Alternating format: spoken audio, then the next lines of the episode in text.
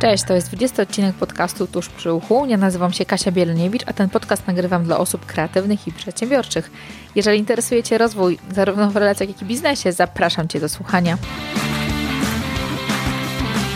Cześć, cześć, cześć. Słuchajcie, ten odcinek jest, tak jak zapowiadałam, 1 maja się ukazuje, specjalnie na majówkę dla osób, które będą dużo czasu spędzać w samochodzie. Macie dwa ostatnie odcinki, numer 28 z Anną Piaseczny o potencjale dziecka, o tym jak, jak rozwijać, wspierać to, kim jest, to w jaki sposób działa, to jak myśli, jego talenty, taki naturalny potencjał.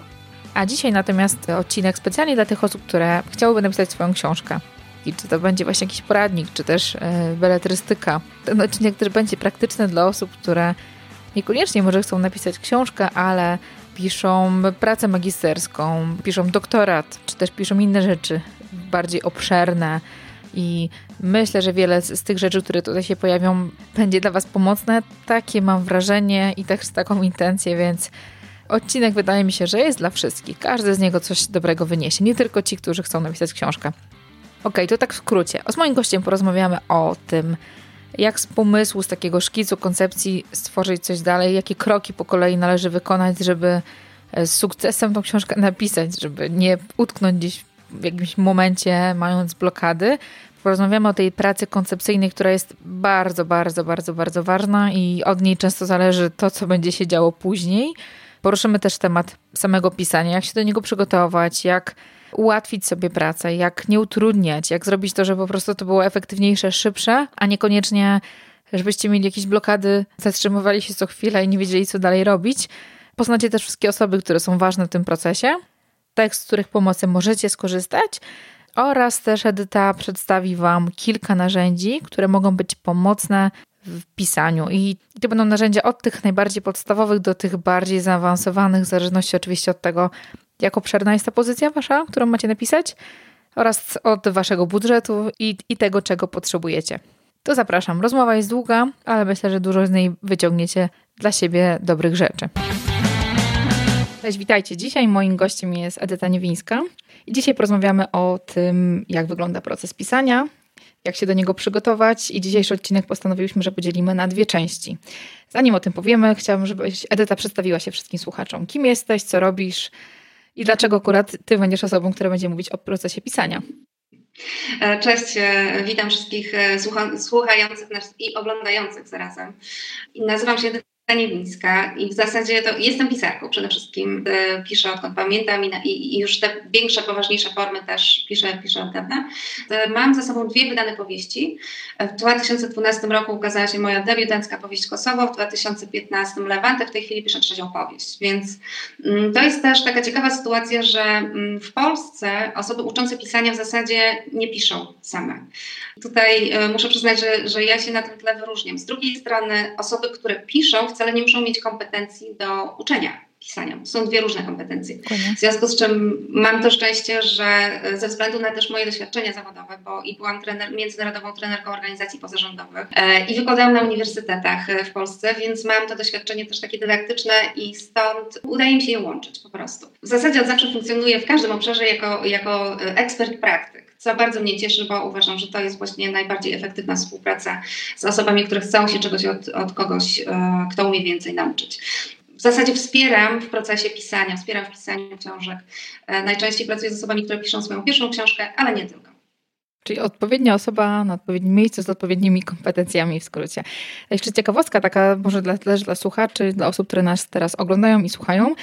E, bo ten podcast dzisiaj będzie też, pojawi się również na YouTubie, to będzie pierwszy podcast z opcją wideo nasz, więc wszystkie osoby zapraszam do posłuchania naszej rozmowy.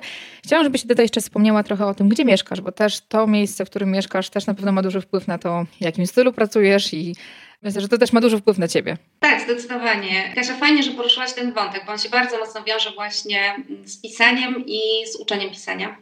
Dlatego, że ja w 2012 roku, czyli parę miesięcy po moim debiucie literackim, przypadkowo znalazłam się w Andaluzji i przypadkowo, no przypadków nie ma, więc mówię, mówię przypadkowo z tym wielkim uśmiechem.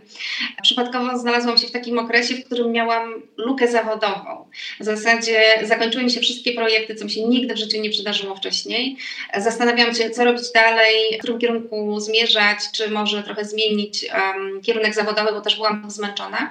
Pojechałam sobie na taki krótki urlop mm, do Andaluzji i ktoś mnie w trakcie tej podróży zapytał, a może byś tu została, skoro ci się tak podoba? A ja zapytałam siebie, no właśnie, a może bym tu została? Czy, czy jest coś, co mnie trzyma w Polsce? I odpowiedź była prosta, nie.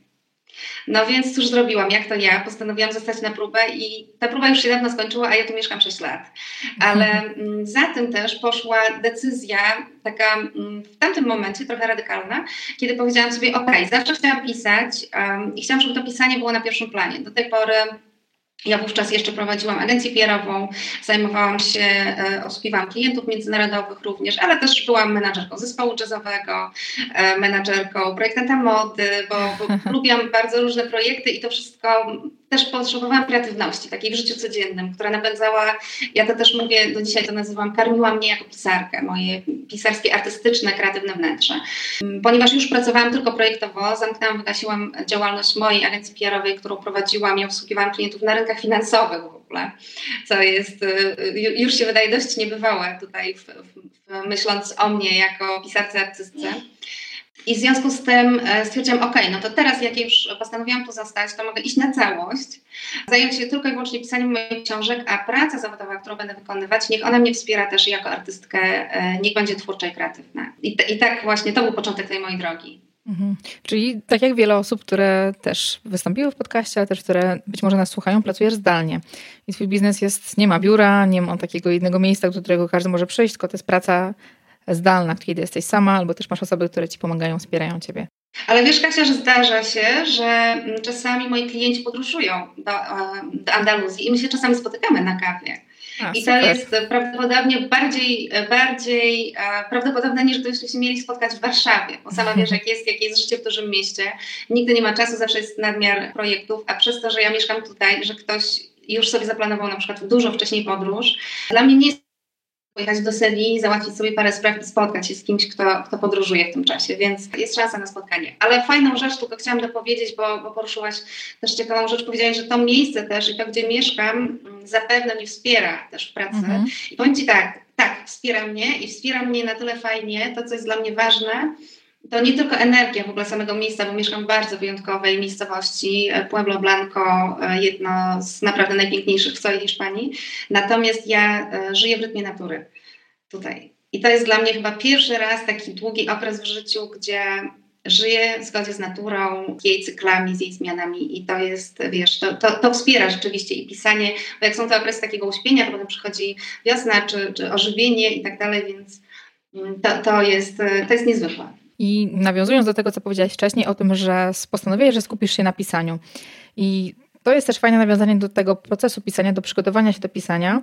I na początku chciałam, żebyśmy trochę powiedziały o tym, jak się przygotować. Mamy jakiś pomysł, coś tam nam w głowie hula, e, że chcielibyśmy napisać książkę na jakiś konkretny temat. Czy to jest poradnik, czy to jest mm, powieść, czy to jest inna, inny rodzaj, inny gatunek literacki.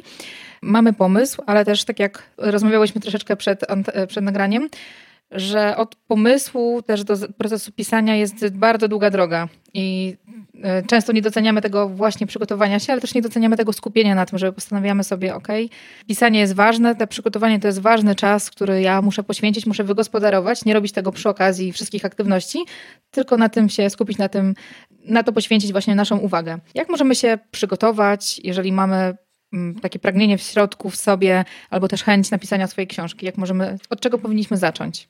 Poruszyłaś właśnie bardzo ważną kwestię. To, że i to widzę bardzo często, rozmawiając, pracując z osobami, e, które piszą, że nie doceniamy tego, etapu twórczego. Mhm. To jest, e, ja to nazywam etapem koncepcyjnym. U mnie e, będę się często odnosić do przykładów swoich, e, swojej pracy i e, osób, z którymi pracuję, bo zawsze te przykłady działają najlepiej, a myślę, że wiele osób się w nich odnajdzie. U mnie na przykład proces koncepcyjny przy pisaniu książki trwa dwa lata. A samo pisanie, ja jestem tak naprawdę, gdybym nie miała, gdybym odłożyła wszystkie obowiązki zawodowe, no i ograniczyła życie też do, do obowiązki życiowe do minimum, to jestem w stanie napisać książkę w 3-4 miesiące, tak naprawdę. Więc zobacz, jaka jest ogromna proporcja. To, o czym myślimy, że jest właściwym pisaniem książki, w zasadzie jest e, tylko, nie wiem, może być jedną czwartą czy jedną mm -hmm. szóstą um, tego procesu, który jest najważniejszy w tym wszystkim, a o którym nie myślimy. I to jest też częsty właśnie błąd osób, które myślą, mam wiedzę, Mam to w miarę poukładane, bo na przykład prowadzę jakieś kursy, prowadzę jakiś warsztat kilkudniowy, więc wiem y, co po czym, jakie etapy następują. No to usiądę i napiszę książkę ją napiszę w pół roku. I okazuje się, że ja już pracowałam z paroma takimi osobami, które przyszły do mnie na różne projekty i, i pytam, jaki jest Twój cel, co chcesz osiągnąć na koniec tego projektu. W projekcie kończę za trzy miesiące, a ja słyszę, że mieć napisaną książkę, a słowo jeszcze nie zostało napisane. Ale przekonanie, że wszystko w głowie jest. Mhm. Pierwszy moment pracy, pierwsze spotkanie, um, tak naprawdę to wszystko w drobny pył się rozsypuje. Okazuje się, że nie ma konceptu, nie ma struktury, nie ma y, plan książki, nic nie jest przepracowane, jest tylko wyobrażenie o mm, tym etapie końcowym tej książki. I nagle mm, praca ze mną powoduje urealnienie, konfrontację tego wyobrażenia z rzeczywistością i okazuje się, że, że tego się nie da zrobić w ten sposób. W związku z czym ja bardzo duży, mm, często bardzo o tym mówię, cieszę się, że to poruszyło koncepcyjnym, który jest kluczowy i najważniejszy. I e, chyba tylko, żeby podsumować, dlaczego on jest taki najważniejszy, jeśli ktoś ma zapominać jedną rzecz, dlaczego on jest najważniejszy, to niech zapamięta to. Jak nie przerobisz tego etapu w całości, to w trakcie pisania po prostu będziesz miał blokady pisarskie. Mhm. Nieważne, czy piszesz na wenie, czy piszesz, jesteś przygotowany, masz research, będą się pojawiały te blokady, z którymi nie wiadomo, jak walczyć też. A one się pojawiają dlatego, że nie ma tego przygotowania. I nie wiadomo w zasadzie nawet nie tyle, dokąd zmierzamy, bo mamy ten, to wyobrażenie finalnej wersji książki, tylko nie wiemy, jak mamy przejść z tego etapu, który teraz opisujemy, do następnego. Okej, okay. to myśląc sobie o takim etapie koncepcyjnym, mi się w głowie od razu pojawia jedno pytanie, jedno pytanie, takie, które główne chyba jest, dlaczego ja chcę to zrobić? Dlaczego ja chcę napisać tę książkę? Takie pytanie, które chyba każdy powinien sobie zadać, zanim to zrobi, tak? Czy to jest y, chęć podzielenia się swoją wiedzą, czy to jest chęć edukacji kogoś, czy jakiś pomysł, który ktoś ma od dziecka, jest świetna historia i chciałby ją napisać. I co oprócz tego zastanowienia się, dlaczego ja chcę to zrobić, jakie pytania inne powinniśmy sobie zadać na tym etapie koncepcyjnym? Co, dlaczego ja chcę to zrobić, rzeczywiście jest punktem wyjścia, a nawet wręcz nie tylko dlaczego, bo to jest ta moja motywacja wewnętrzna. Natomiast um, często się rozbija o to drugie pytanie, po co? Mhm. Po co ja chcę to robić? I w zasadzie nawet jeśli nam się wydaje, no przecież to jest to samo, dlaczego i po co, to nie jest to samo. Dlaczego jest moją motywacją wewnętrzną? Po co jest motywacją zewnętrzną? Bo tu się odpowiedź pojawia, chcę pomóc ludziom, chcę im pomóc rozwiązać jakiś problem, chcę im opowiedzieć inspirującą historię. I już się pojawia ten czynnik czytelnika, kogoś, kto będzie odbiorcą e, tej treści. I mm, to też jest czynnik, bardzo silny czynnik motywacji, a w zasadzie najsilniejszy to będzie naszym paliwem mm, w trakcie pisania. Mhm. Ale musimy to właśnie mieć przepracowane od początku. Jeżeli mamy jakieś wątpliwości, no to zabraknie nam tego paliwa na, których, na, na, na różnych etapach pisania. W związku z czym to po co jest kluczowe i warto być bardzo, bardzo ze sobą szczerym. Bo jeżeli moja odpowiedź na po co jest, bo chcę zarobić pieniądze, to też jest ok. Mhm. Bo, mam bo to nie jest. Bo mam swój biznes Dokładnie. tak chcę go wspierać poprzez wydanie jakichś publikacji. Mhm. Dokładnie. Tym bardziej, że mm, chcę zarobić pieniądze. Y, nigdy nie zdarzyło mi się w mojej pracy z ludźmi, żeby było jedynym czynnikiem. To jest zawsze jeden z kilku, bo, bo tych motywów jest kilka. Więc e, warto też sobie mieć w sobie taką zgodę, że tak, że to, co robimy, jest naszą pracą, zarabiamy pieniądze, na książce też zarabiamy pieniądze. My mamy w Polsce w ogóle takie przekonanie, że na pisaniu się nie zarabia trochę ono cały czas funkcjonuje, bo jeśli pomyślimy, nie, no są ci, którzy zarabiają i potem jest takie, nie, no ale to Bonda, to Szafrański, no to wiadomo, to Tuzy, to wielkie nazwiska mhm. już jakaś machina za nimi stoi, więc cały czas na takim poziomie czysto ludzkim to przekonanie funkcjonuje i wręcz myślę, że będziemy też słyszeli często od rodziny, od bliskich, od znajomych, ale po co ty poświęcasz tyle czasu na tę książkę, jak na tym się nie zarabia.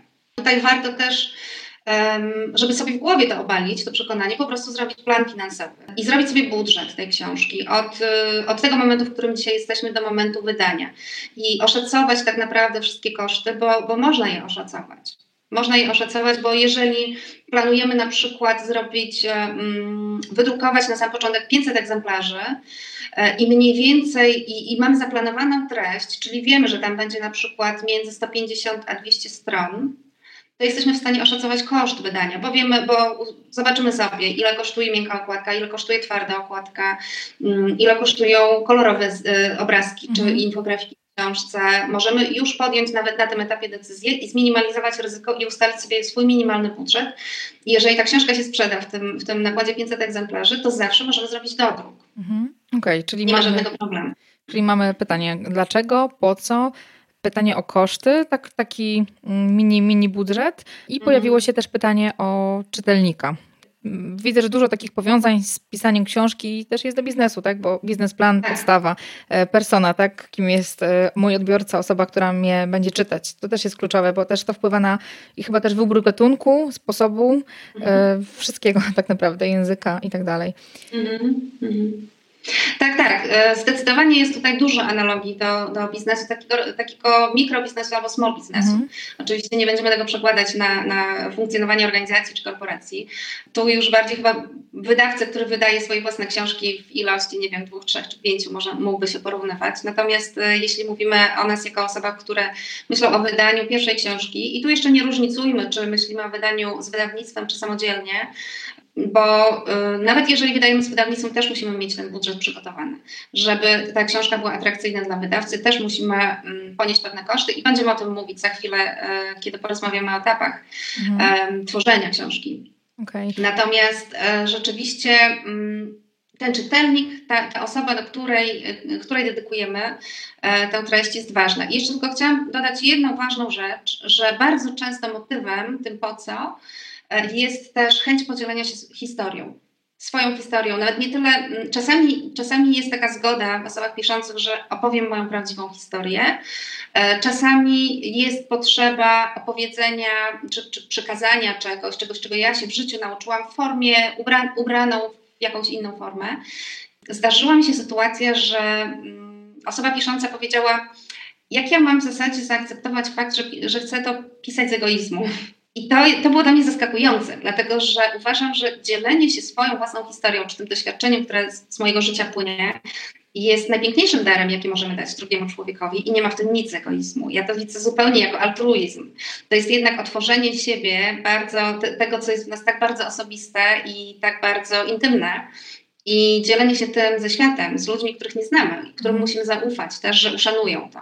Mhm. Też fajnie to zobaczyć właśnie w tej perspektywie, tak? To, że ja chcę opowiedzieć swoją historię, to nie jest egoizm, to jest najpiękniejsze, co mogę dać innym. Mhm. I tutaj chyba na tym etapie, o którym teraz, o którym mówimy, czyli na etapie koncepcyjnym, chyba też jest ten etap, kiedy my przed, przepracowujemy sami z sobą nasze obawy, lęki, różne wątpliwości. To jest chyba też taki dobry etap, e, tak jak powiedziałeś, to u Ciebie to trwa czasami dwa lata, taka koncepcja książki. I też słuchając rozmowy Twojej z Janą Chmurą, trochę o tym, wiele tematów się, bardzo dużo tematów fajnych się pojawiło w Twoim podcaście, bo nie powiedzieliśmy, że też masz swój podcast, który jest tematyka jest głównie o pisaniu, więc osoby, które są zainteresowane, to zapraszamy serdecznie.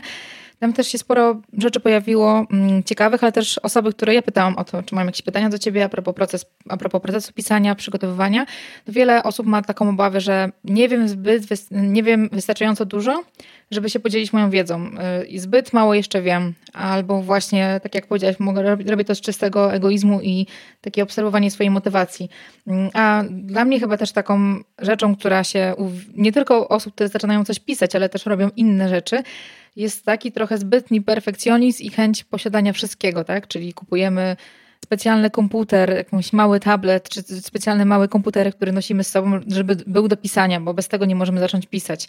Mamy jakieś specjalne programy kupione, y, specjalne pióro do pisania, 500 książek, które kupujemy zanim zaczniemy pisać i czasami przerost formy nad treścią, zanim coś zrobimy, tak, nie sprawdzamy tego i to, to, jest, to jest to samo chyba bardzo dobry przykład jest z bieganiem, tak, że są osoby, które zanim zaczną biegać, muszą mieć świetne buty, świetne ciuchy, aplikacje, zegarek y, z GPS-em, mnóstwo rzeczy, ale w efekcie pójdą raz, dwa, pobiegają i wracają, tak? I szkoda pieniędzy też, więc na tym etapie chyba też takie rzeczy trzeba sobie przepracować. E, wiesz co, tak, tak, poruszyłaś tutaj dwa tematy. Jeden to jest właśnie tych lęków i mm. e, chyba najczęstszym, wiesz, najczęstszą tą obawą e, na tym etapie jest, a kto to będzie chciał czytać? Wiesz, oprócz tego, o czym mówiłyśmy, to są raczej takie mm, pytania, które się pojawiają już na, na tym drugim planie, po pierwszą, mniej lub bardziej uświadomioną, nie każdy też ma odwagę powiedzieć to na głos, mm. że się mhm. tego boję, ale um, każdy i, i każdy, w zasadzie to nawet każdy pisarz, który pisze, nie wiem, piątą czy siódmą książkę zadaje sobie to pytanie, czy ktoś będzie chciał to czytać. No bo jeżeli napisałem siedem książek, nie wiem, powiedzmy, że Paulo Coelho, tak, napisał siedem książek w tym samym stylu, no to on sobie też zadaje pytanie, czy jak napisze ósmą w tym samym stylu, to jeszcze komuś się będzie chciało czytać tę książkę, tak? Więc to są takie obawy, które mamy wszyscy niezależnie na, od tego, na jakim etapie pisania w ogóle jesteśmy. E, I e, tutaj nie, nie ma w ogóle jakiejś um, złotej rady, magicznej tabletki czy, czy magicznej odpowiedzi. E, oprócz tego, że po pierwsze trzeba zaufać sobie, to, to jest często taka mm, wymówka też, też, że a kto to będzie chciał czytać, która pokazuje, że może nie jesteśmy jeszcze gotowi do tego. Że może jeszcze nie jesteśmy gotowi, żeby usiąść i napisać, i to na różnych poziomach, czy też wewnętrznie, czy właśnie to, to o czym powiedziałaś, czyli to przygotowanie, ten, ta faza koncepcyjna, zrobienie researchu i tak dalej. Doraźną radą, jak sobie z tym poradzić, jest po prostu zrobić test, przygotować fragment tekstu, niech to będą nawet, nie wiem, dwie czy cztery strony i po prostu e, dać to do przeczytania komuś. Komuś, kto wyobrażam sobie, że jest dla mnie takim potencjalnym, profilowym właśnie czytelnikiem. To, to jest taka najczęstsza obawa, na którą jest rada. I tutaj wystarczy napisać, to nawet nie musi być fragment rozdziału, to może być po prostu opisanie. Mm, ja to robię e, w takiej fajnej formie na moich warsztatach. Napisz list do czytelnika. I można to zrobić. Możesz napisać list do czytelnika i dać go temu czytelnikowi, poprosić, żeby przeczytał i zapytać, jakie są jego emocje, odczucia i czy on chce tę książkę. A co, a co taki list powinien zawierać? Bo tak ciężko mi sobie teraz wyobrazić, jak, jaka miała być forma tego listu, co tam w nim powinno się znaleźć. Dlaczego y, ty piszesz tę książkę i co będzie miał z tej książki? Czyli to po co i dlaczego. Mm, mm, Okej. Okay. I też myślę, że samo napisanie już tego to już jest dużo. Tak, mhm. tak, dokładnie. Ale też w dowolnej formie, wiesz, to jest, to jest też fajne takie ćwiczenie, żeby to zrobić od serca. Mhm. Tak jak ty to czujesz, bo y, ta książka będzie miała w sobie twoje serce, twoje wartości, twoje przekonania, twoje emocje i, i, i twoją, wiesz, etykę. Więc jeżeli e, twój czytelnik tego nie kupi, że tak brzydko powiem, na początku, no to musisz się zastanowić dlaczego. Albo zadać mu pytania. Masz, y, wiesz, masz, masz testowego człowieka pod ręką. Jeżeli on czegoś w tym nie załapie, mówiąc y, tak y, kolokwialnie, no to pytaj go. Pytaj dlaczego i od razu już masz materiał, tak? Już wiesz, już ci się wyświetla albo, albo zawęża kierunek, bo tak naprawdę z przygotowaniem książki jest tak samo jak z biznesem. Musisz wejść w jakąś niszę i musisz zawężać, a nie poszerzać. Mhm. Powiedziałeś, że u Ciebie ten proces trwa dwa lata, ale też wyobrażam sobie, że nie musi tak długo trwać. Może ten proces um, tworzenia, przygotowywania trwać trochę krócej. Jaki jest taki minimalna ilość czasu, jaki możemy zrobić, jeżeli mamy jakiś konkretny temat, bo to też pewnie zależy od, od fabuły, zależy od gatunku, od ilości stron, czy to coś ma być krótszego, czy dłuższego. Jak, jak tak oceniasz? Może być z doświadczenia też i z doświadczenia jakby Twoich kursantów, y, osób, które korzystają z Twojej pomocy. Jak to może wyglądać? Takie widełki. U mnie to trwa dwa lata, bo ja po prostu mam taki tryb pracy. No oczywiście biorąc, to, to nie są czyste dwa lata, tak? Gdybyśmy wzięli z tych dwóch lat ekstrakt, to też by było kilka miesięcy. No ale wiemy, że wszyscy żyjemy w realiach, wszyscy mamy życie e, codzienne, życie zawodowe. Przy takiej e, konkretnej pracy, gdybyśmy wiedzieli, co mamy zrobić i jak mamy to zrobić, e, powiem tak, można pisanie książki zamknąć w jednym roku. To jest, to jest taki bardzo realistyczny plan, to znaczy 6 miesięcy faza koncepcyjna i 6 miesięcy faza pisania.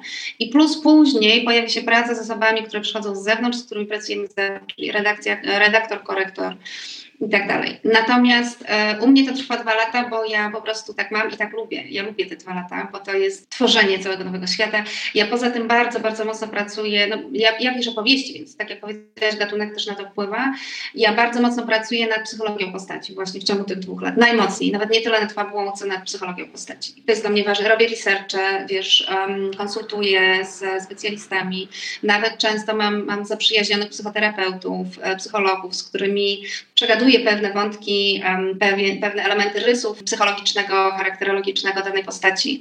Natomiast dobrze, że, że to podkreśliłaś, że to nie musi trwać dwa lata. Mhm. Mm, I że spokojnie, wiesz, to też przy, przy książkach bardziej fachowych, a nie, nie literackich, um, to, jest, to jest krótszy okres, zdecydowanie. I ta jedna rzecz, którą powiedziałaś właśnie, że ludzie się przygotowują, kupują sprzęty i tak dalej, e, to przełożę to na taką bardzo, bardzo dla mnie mocną i trochę bolesną też analogię, że rozmawiałam z osobami, które były po 4-5 kursach pisania i przychodziły do mnie, rozmawiały ze mną i mówiły Edyta, ale ja nadal nie, nie potrafię napisać książki. Więc tu rzeczywiście to jest też ważne, czy doszkalamy warsztat, czy jakieś elementy tego warsztatu, czy chcemy się nauczyć jak pisać książkę, bo to są zupełnie inne narzędzia. I często nikt nam o tym nie powie. Ktoś powie, przyjdź do mnie na warsztat, jak ładniej pisać, jak, doszli, jak znaleźć swój własny styl, no ale z tego nie wyniknie wiedza, jak napisać tę książkę. Mhm. I też jeszcze wspomniałaś o tym, że zanim wybierzemy, czy piszemy sami, czy korzystamy z wydawnictwa, czy z współpracy, często pytanie, które się może pojawiać, to jest, w którym momencie ja powinienem zdecydować, czy na tym etapie koncepcji, że korzystam z pomocy czy osoby, która mi pomoże, która ma doświadczenie, czy wydawnictwa, które poprowadzi mnie za rękę od samego początku do końca. Jest ten moment, że powinniśmy zdecydować, czy robimy to sami, czy z kimś. W momencie, kiedy podejmujemy decyzję, że napiszemy tę książkę i rzeczywiście urządzamy sobie najbliższe, powiedzmy, że nie wiem, te 12 miesięcy tak, w swoim życiu w taki sposób, że tworzymy przestrzeń tę książkę. Bo mm, często osoby, które chcą napisać książkę albo już nawet coś piszą, mówią, e, mam problem z czasem. Nie wiem, jak znaleźć czas, nie wiem, jak się zorganizować do pisania. Z mojego doświadczenia, z mojej pracy z ludźmi wynika, że to nie jest problem z czasem. Oczywiście on jest, tylko da się go rozwiązać, jak się rozwiąże e, to, co leży tak naprawdę u podłoża tego problemu, a to jest po pierwsze priorytet, czyli pisanie książki musi wejść na listę naszych życiowych, zawodowych priorytetów. No i siłą rzeczy coś z tej listy musi spaść innego, mhm. taka jest prawda. I drugie to jest motywacja. I ta motywacja, tu wracamy do tego, o czym mówiłyśmy, czyli po co, tak? Po co ja to robię? I tutaj um, znowu nawiązujemy do tego, bo jeżeli mówię, że chcę zarobić pieniądze, takie są realia w Polsce. Jeżeli chcę zarobić pieniądze na książce, to wydaję samodzielnie jako self-publishing. Natomiast jeżeli moją motywacją jest, chcę być rozpoznawalna, chcę trafić do, do większej ilości osób, czytelników, y, albo chcę oszczędzić sobie czas, nie chcę poświęcać tyle czasu na promocję, sprzedaż, no to to już y, pokazuje, tak? Czyli droga, druga ścieżka, czyli wydawnictwo, bo wydawnictwo się tym zajmie, takie są jego obowiązki i dotrze do większej ilości ludzi, do bardziej różnorodnych czytelników. No i też mamy w Polsce takie przekonanie, że jak wydaje cię wydawca, to jesteś lepszy lepszym pisarzem. To jest też jedno z tych takich, jeden z takich mitów i tych, tych przekonań, które mamy w głowach, a jak rozmawiamy o nich, to w ogóle widzimy, że nic z tego nie wynika, że jest to kompletna bzdura. Nie ma to żadnego przełożenia na rzeczywistość. Um, I mogę dodać tylko jedno dla tych, którzy, dla tych osób, które mają e, jakiekolwiek jeszcze wątpliwości czy rozterki, bo tutaj, jeżeli chodzi o nazwisko, no to ja też e, jestem za tym, że lepiej nasze nazwisko czy naszą pozycję buduje wydawanie samodzielne książki niż z wydawnictwem. Bo jeżeli się zastanowisz um, i pomyślisz o osobach, które znasz, o nazwiskach e, e, osób, które znasz, które mają swoje biznesy, e, gdzie one wydawały książki. I teraz podam Ci od razu kilka nazwisk, tak? Pierwszy z brzegu. E, Ola Budzyńska, Kamila Rowińska, e, Michał Szafrański, Janna Ceplin. Oni wszyscy wydają samodzielnie książki. Mhm i nie potrzebują do budowania nazwiska mm, żadnego wydawcy, żadnego wydawnictwa. Więc to też jest takie, to, to jest błędne przekonanie. Nie warto się tym kierować, ale oczywiście tę decyzję trzeba podjąć właśnie w momencie, kiedy podejmujemy decyzję, że tak, urządzę sobie tak życie, że napiszę tę książkę i ją wydam. No i muszę wiedzieć, jak ją będę wydawać, bo y, tutaj trzeba przygotować to, o czym mówiłyśmy, czyli ten budżet, minimalny, trzeba już wiedzieć, w jakim nakładzie chcemy to wydawać i tak dalej, i w jakim czasie będziemy potrzebować tych pieniędzy, bo to można dobrze zaplanować przed sprzedażą to nie znaczy, że musimy wy, wyciągnąć z kieszeni tę całą kasę, tak? Więc jeżeli mamy 12 miesięcy, to możemy się przygotować do tego, rozpisać sobie ten etapy, wiemy na którym etapie ile potrzebujemy pieniędzy do tego budżetu i wiemy też jak, jak się do tego przygotować, jak je zdobyć w danym mhm. momencie. Mhm. Więc to jest, to jest taka istotna kwestia. Mhm. Powiedziałaś, podałaś kilka przykładów osób, które wydały same książki. Ja też znam jedną, u mnie też gościem była Magda Pawłowska, która nie wydawała sama książkę, wydała ją z wydawnictwem OnePress. Dla niej to, tak jak ja z nią rozmawiałam, dla niej książka była bardziej czymś, co przyciągnie ludzi, takim lidem, niż czymś, na czym ona będzie zarabiać pieniądze i to jest szybszy proces po prostu. Dla niej była taka motywacja, ale też rzeczywiście te osoby, które wspominałaś, same wydawały. Ja też nie chcę, nie będę nagrywać odcinka oddzielnego póki co, o procesie wydawania, dokładnie jak to wygląda, jakie są koszty i tak dalej, bo Michał Szafrański to zrobił świetnie. Myślę, że nie ma sensu zupełnie, więc odsyłam do Michała Szafrańskiego, on ma to zrobione i z Radkiem Kotarskim i sam, więc mnóstwo rzeczy tam będzie ciekawych. A mnie właśnie bardziej interesuje ten obszar, który, o których my rozmawiamy, czyli przygotowanie i sam proces pisania, bo to wydaje mi się, że jest najtrudniejsze, bo reszta to są zautomatyzowane działania, tam są specjaliści, którzy nam pomagają. Jeżeli zdecydujemy się pisać sami, to, to za chwilę o tym powiemy, a jeżeli e, zdecydujemy się na współpracę z kimś, e, z redaktorem czy z inną osobą, jaka jest taka pierwsza osoba, która mm, przy pracy samodzielnej nad książką, która, która powinna się pojawić tutaj, jeżeli chcemy skorzystać z kogoś pomocy? Jak ona się nazywa, jakie funkcje pełni, co robi? Bo tych osób jest trochę i mogą nam się mylić. Redaktor, wydawca, e, korektor, jak te osoby się nazywają i kiedy powinny się pojawić? Przede wszystkim takiej ogólnej wiedzy o tym, kto bierze udział w procesie powstawania książki, no to, mm, to, to, co mniej więcej każdy wie, to wie, że będzie potrzebna współpraca z redaktorem, korektorem, no i w przypadku pracy wydawania z wydawnictwem, redaktorem prowadzącym. To są tak naprawdę osoby, które wchodzą, wkraczają w ten nasz świat pisania na dość późnym etapie. Co może oznaczać, i często mi się to zdarza, że ktoś, kto przychodzi z pierwszym gotowym manuskryptem, mm, po, po poradę i później decyduje się na, na współpracę, na przykład ze mną, to, to jest trochę orka na ugorze. To znaczy, dużo trudniej jest poprawiać e, manuskrypt, który jest tylko jakimś draftem i spróbować stworzyć na jego bazie książkę, niż przyjść na tym wczesnym etapie, czyli kiedy mam pomysł, kiedy mam jakąś próbkę, kiedy nawet już coś przetestowałem, choćby te pierwsze cztery strony z moim potencjalnym czytelnikiem i e, przychodzę do osoby, która, no właśnie, jak ona się nazywa i kim ona jest. E, I tutaj, i przychodzę do tej osoby i chcę z nią współpracować, chcę, żeby mi pomogła w tworzeniu tej książki. Dobre pytanie zadałaś, kto to jest, jak oni się nazywają, w ogóle gdzie ich szukać, gdzie ich znaleźć. Po pierwsze, mm, redaktor redaktorowi nierówny tutaj, żeby też nie, nie gadać teraz cały, cały odcinek o redaktorach, postaram się to jakoś e, fajnie skondensować, ale mogę odesłać do fajnego wywiadu z redaktorem e, z wydawnictwa, e, któregoś z polskich wydawnictw, który już tam 30 lat ma i bardzo fajnie mówi o pracy redaktora, to bardzo mocno układam w głowie. Ale to, co on powiedział bardzo ważnego, co też wynika z mojej pracy, bo ja też współpracuję z redaktorami przy pisaniu moich książek mm, i tutaj można też zacząć tę współpracę na dość wczesnym etapie, tylko redaktor musi jednak pracować na tekście, czyli tekst musi być. Mhm. To mm, z redaktorem najpierw trzeba odbyć naprawdę taką rozmowę, no wręcz e, taką rekrutacyjną. Po prostu musimy mieć pewność, że i, i, ja jako autor, i redaktor, który będzie ze mną współpracował, mamy tę samą wizję tej książki. Mhm. Bo redaktor nie jest od tego, żeby za nas pisać, czy nam coś poprawiać. Mhm, to okej, okay. to jak mówimy o rozmowie rekrutacyjnej, to dla mnie rozmowa się wiąże z tym, że zadajemy pytania. jakie takie pytania powinny być, które my musimy zadać, żeby wyczuć, czy ta osoba jest E, odpowiednia, bo też ja z doświadczenia też wiem, że często na tym etapie dużo można rzeczy odsiać i też po prostu nie popełniać błędu, że gdzieś tam zabłądź, zabłądzimy, dojdziemy z kimś, z kim nam się po prostu ciężko pracuje, albo kto nie czuje tego, co my mamy w sobie, a inna osoba może nam pasować dużo bardziej. To co powinniśmy sprawdzić, na co zwrócić uwagę? Przede wszystkim powinniśmy dopytać, w jakim gatunku pracuje ten redaktor jakim ma doświadczenie i jakiego typu książki, z którymi autorami, przy których książek, książkach pracował. Możemy y, pójść dosłownie, jak dostaniemy tę listę tytułów, możemy pójść dosłownie do księgarni i sobie przejrzeć, nawet nie musimy kupować tych książek, tak? Możemy wejść do Empiku, przy najbliższej okazji przejrzeć, przekartkować, przeczytać fragmenty tych książek i zobaczyć, czy to jest w ogóle gdzieś taki kierunek, w którym, czy, czy, czy nurt, czy gatunek, w którym my ze swoją ideą, ze swoją książką się znajdujemy.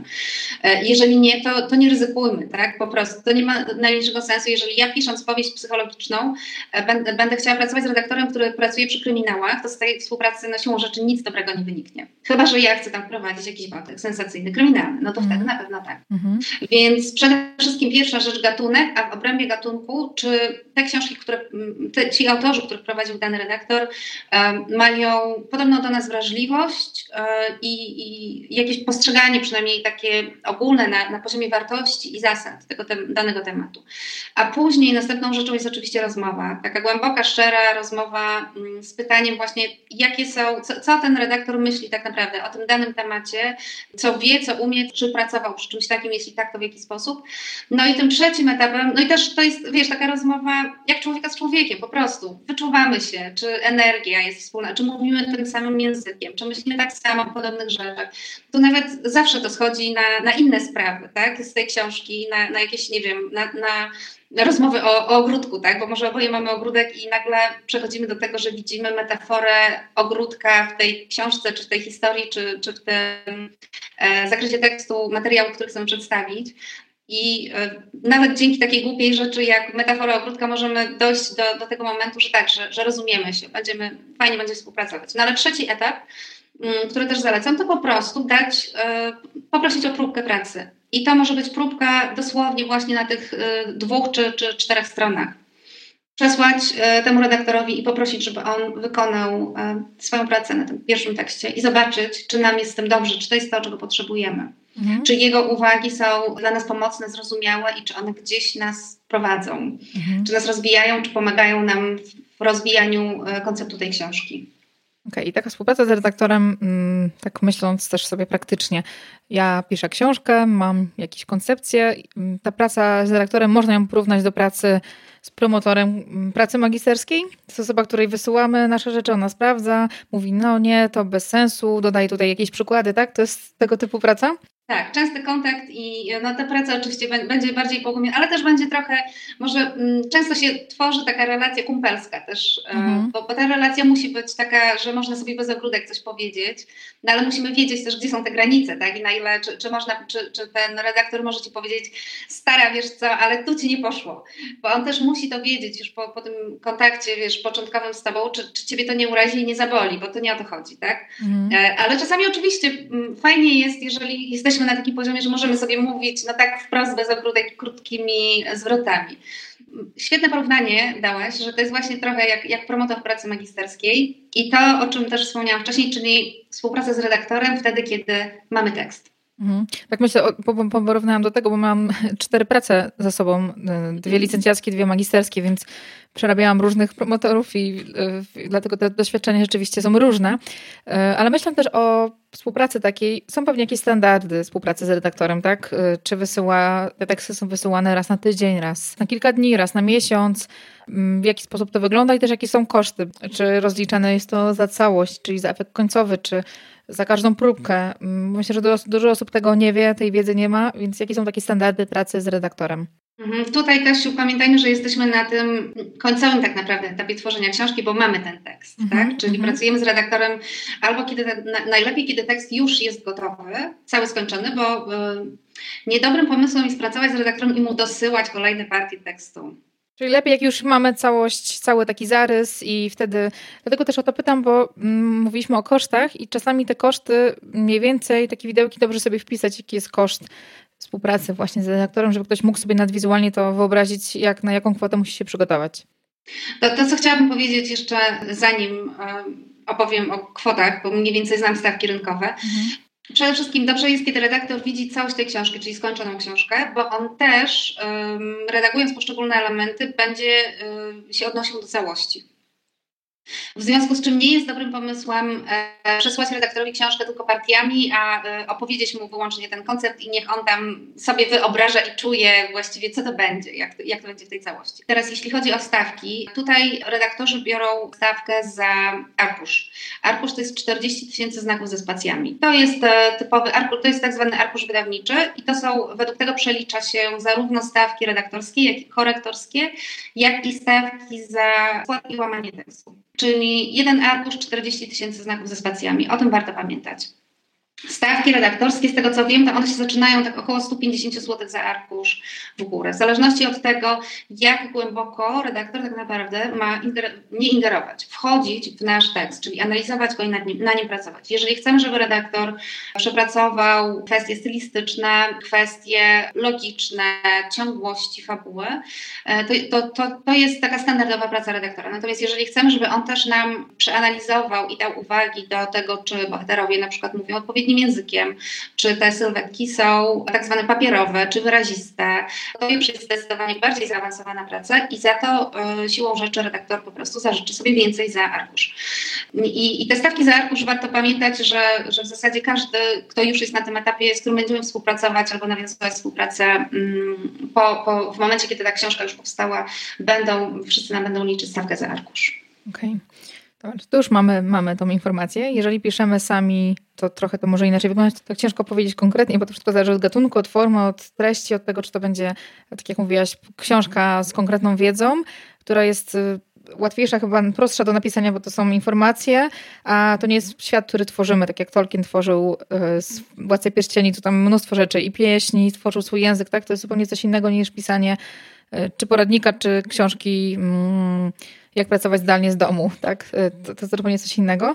I chciałabym, wiesz to, żebyśmy powiedzieli o tym etapie, o którym mówimy troszeczkę, ale nie mówiliśmy jeszcze konkretnie, jak powinniśmy zorganizować to wszystko przed napisaniem książki, czyli ten nasz konspekt, tą pracę koncepcyjną, jak ona powinna wyglądać, jakie, jak przygotować ten grunt pod samopisanie. Tutaj nawiążę też do wątku z poprzedniego pytania, e, którego nie, nie rozwijałam, bo też nie chciałam, żeby powstało jakieś zamieszanie w wyobrażeniu i w, w, rozumieniu tematu wśród naszych czytelników, bo to jest dokładnie ten, ten wątek, który tutaj się czytelników, przedstawia. Słuchaczy. E, czytelników, no widzisz? No, dobrze, że mi zwracasz uwagę. Czytelników, słuchaczy i widzów. A ja już jestem tak po prostu, w głowie mam, w głowie mam e, czytelników e, na zawsze. No właśnie, więc albo można zrobić, teraz można zacząć tę pracę samodzielnie, i też nie ma w tym nic złego, tak? E, to jest kwestia tego po prostu, na ile też jesteśmy e, przygotowani, zorganizowani, jaki mamy też rytm pracy, czy lubimy pracować samodzielnie i dopiero potem chcemy to weryfikować ze specjalistą, tak jak powiedziałam właśnie z redaktorem, kiedy jest to gotowe, czy też jednak czujemy, że czegoś nam brakuje, brakuje nam wiedzy, albo lubimy po prostu pracować z kimś, tak? To nam mhm. pokazuje możliwości i kierunki, a my jednak wybieramy, więc to nie jest taka praca, że ktoś nam będzie teraz narzucał. Warto sobie rozważyć na samym początku, zaczynając pracę nad książką, książką, e, czy ja chcę właśnie mm, pracować z kimś, kto mi pomoże, czy, czy będę robić to samodzielnie. Jeżeli będę robić samodzielnie, no tutaj warto jednak kupić tych parę książek, czy obejrzeć kilka nagrań wideo, czy odsłuchać trochę podcastów, mm, żeby jednak się przygotować do pewnych rzeczy i zaraz opowiem do jakich. A druga opcja jest taka, że mm, można gdzieś właśnie pójść na warsztaty, Albo można, e, no, no jest, jest trochę ofert, tak? Jest w mhm. Polsce, może nie jest to jakaś przeogromna różnorodność, tak jak e, w innych popularnych branżach, ale jest kilka, więc ja na przykład prowadzę warsztaty właśnie związane z tą pracą koncepcyjną. E, może powiem tak, w skrócie, moje warsztaty trwają trzy miesiące. Pierwszy miesiąc pracujemy koncepcyjnie nad całością książki, czyli powstaje pierwszy draft tak naprawdę struktury koncepcji książki. Drugi miesiąc piszemy jeden rozdział książki, każdy, każdy jeden rozdział.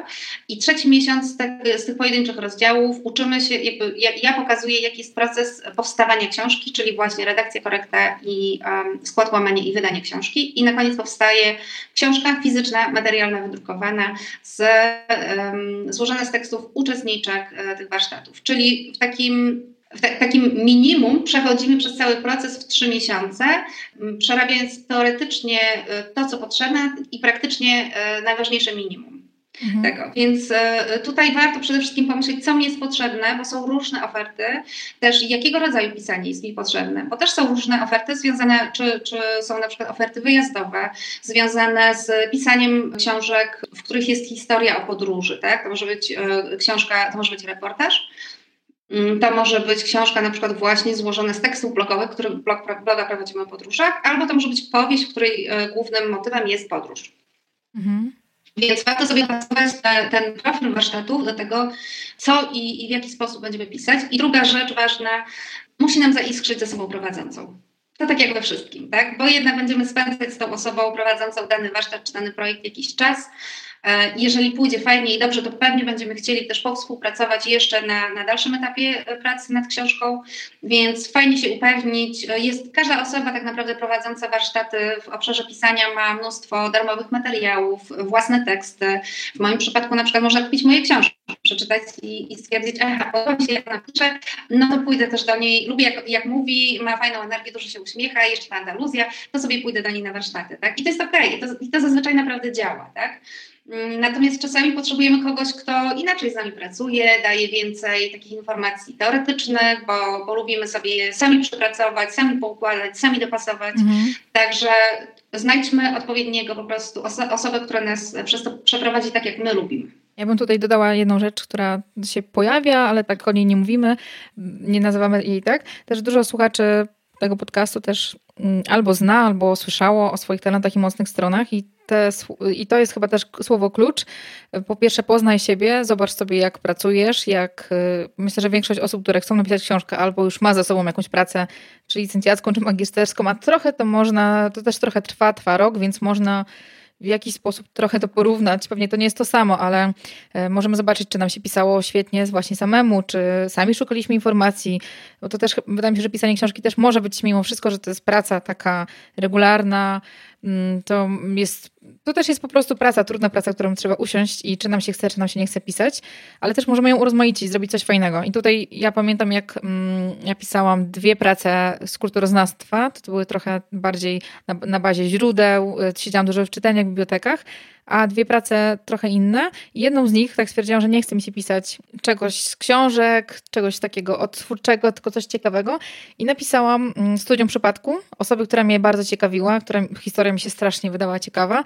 I to dla mnie była taka przyjemność. I nawet wiesz co, nawet pamiętam jak. Um, i promotor, i wszyscy, wszystkie osoby z komisji były tak zaciekawione tą historią, bo to była taka historia takiego chłopaka, który miał e, wypadek, był dziennikarzem radiowym, więc trochę z podcastami z, z radiem związany był temat.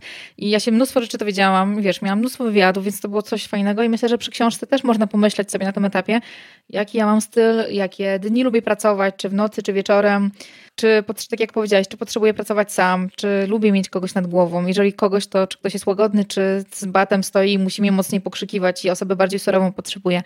I też e, pomyśleć sobie nad tym, co by dla mnie było czymś urozmaicającym i ciekawym w tej książce. I to też chyba jest, są takie ważne pytania i chyba odpowiadając sobie na, tym, na to, kim jestem, jak ja działam, jak ja myślę, jak postępuję, łatwiej nam będzie odpowiedzieć sobie na inne pytania. Czy wybieram pracę sam, czy z kimś i z kim? Zgadzam się tak. I rzeczywiście ja też, akurat ja w mojej pracy, e, ja mówię tak, że nie uczę warsztatu.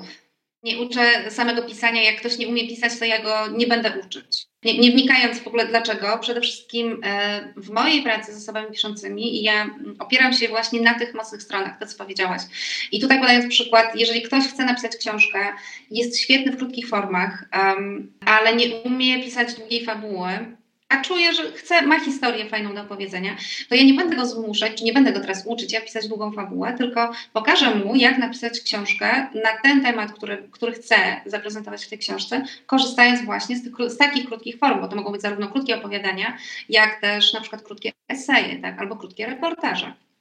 I seria tych e, reportaży zawarta w książce daje tak naprawdę to samo przesłanie. Więc e, zdecydowanie warto na początku właśnie zrewidować, e, co ty tak naprawdę masz, jakie masz zasoby i czym dysponujesz i to, co powiedziałaś.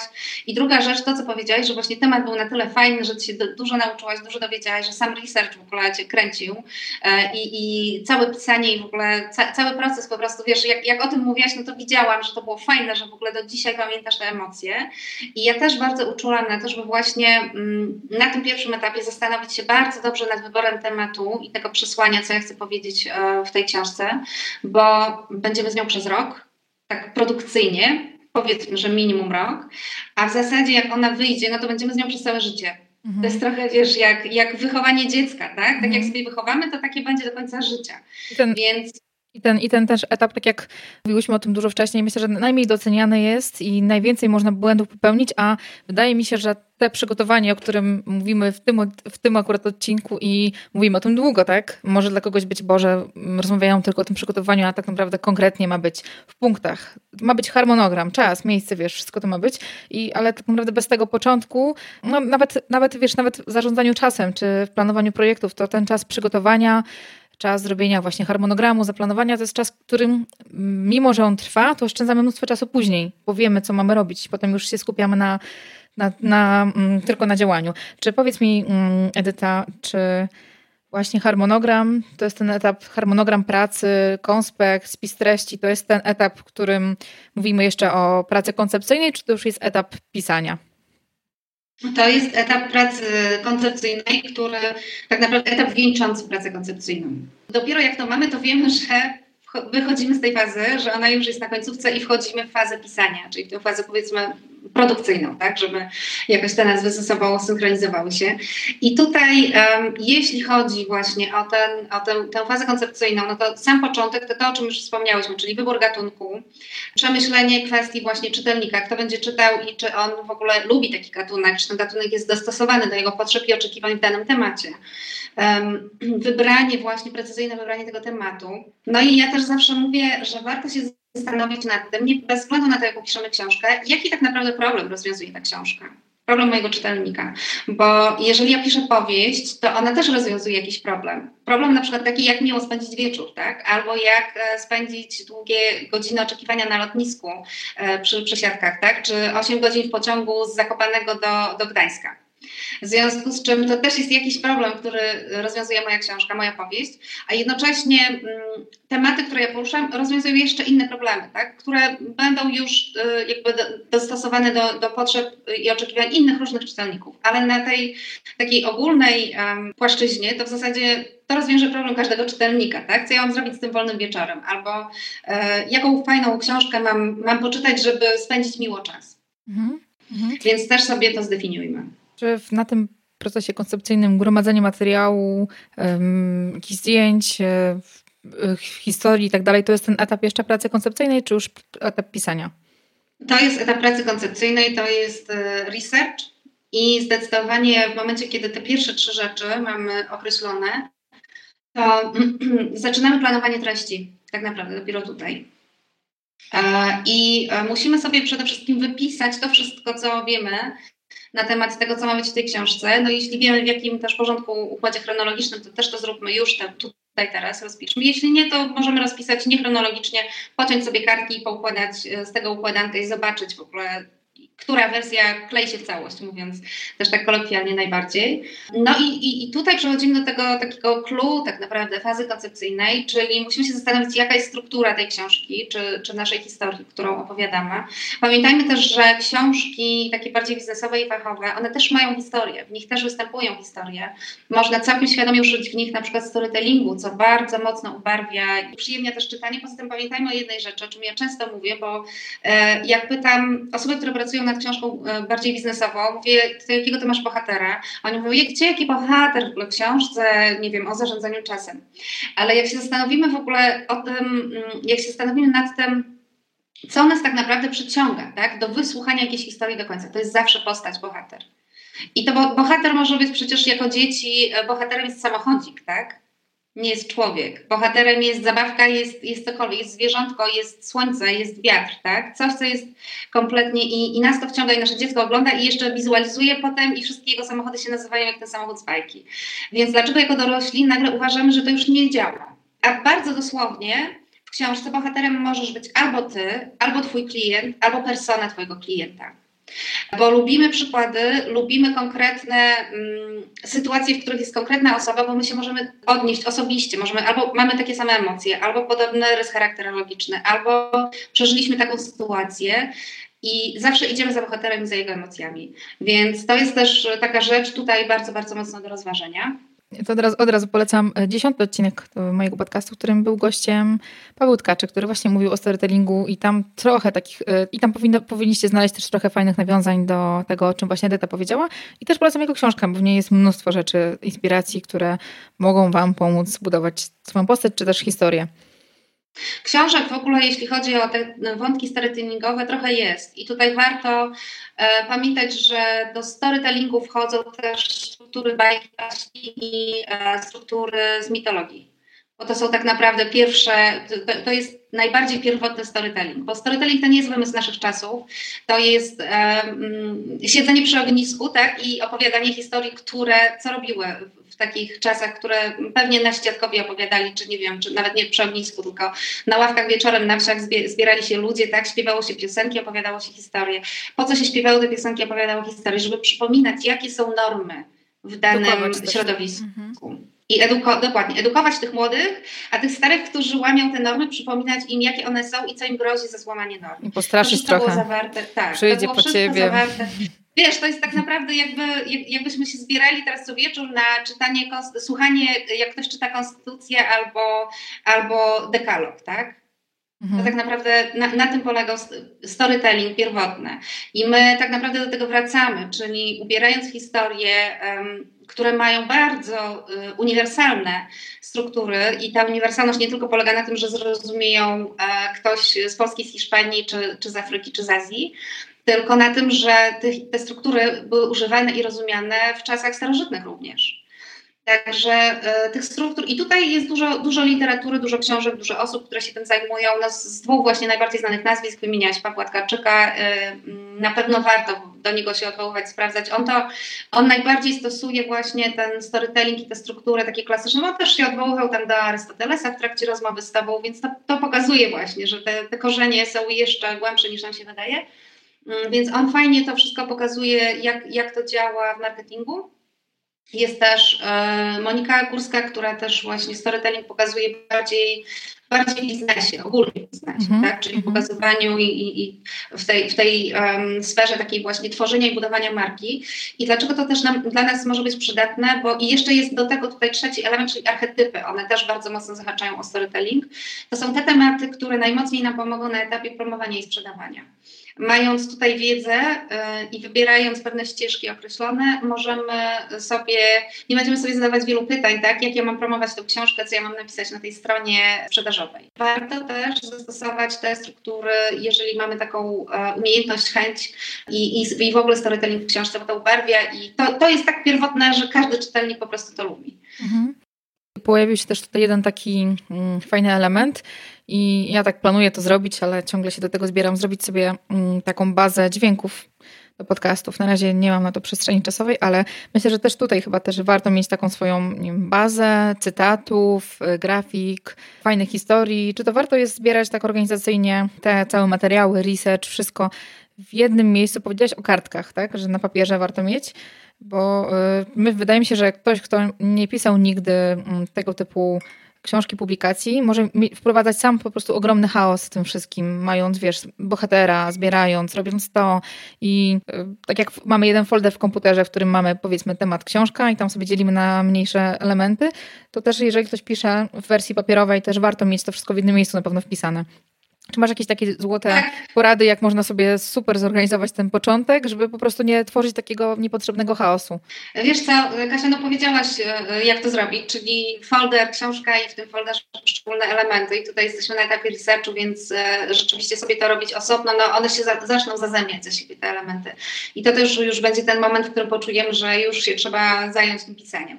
Ale e, tak naprawdę pierwsza podstawowa rzecz, pierwsze podstawowe narzędzie i wiem, że bardzo wiele osób tak naprawdę z tego korzysta, to jest notes i długopis. I naprawdę jakkolwiek nam się wydaje, że jesteśmy w tym świecie, gdzie wszystko można napisać na telefonie, na, na tablecie, a komputery są, laptopy są tak lekkie, że można je nosić ze sobą, wyciągać e, z, z torebki i pisać, to tak naprawdę bardzo wielu, wiele osób nadal po prostu pisze w notesie w trakcie tej fazy koncepcyjnej. Mi dziewczyny często mówią, że dziewczyny, mówię dziewczyny, a mam na myśli kobiety po prostu, no właśnie, otóż to, otóż to, to jest to. Ja też mam tutaj na, na, na rogu mojego e, biurka cztery różne notesy do czterech różnych rzeczy. Bardzo często właśnie mówią mi um, kobiety piszące, że one mają specjalny notes po prostu przy sobie w torebce. On nie musi być nawet duży, bo teraz już notesy są w każdym, we wszystkich formatach, w których jak są gdzieś, nie wiem, w tramwaju albo nawet na, na, na obiedzie, na lunchu e, z koleżanką i przychodzi im jakaś myśl, to wyciągają i zapisują, tak, myśl do książki. To jest notes, w którym się notuje tylko i wyłącznie właśnie myśli, pomysły, wątki do książki, włącznie z cytatami, które na przykład wejdą później do, do dialogu, tak, czy, mm. czy fragmentami scen, które nam przyszły do głowy i, i nie chcemy, żeby umknęły.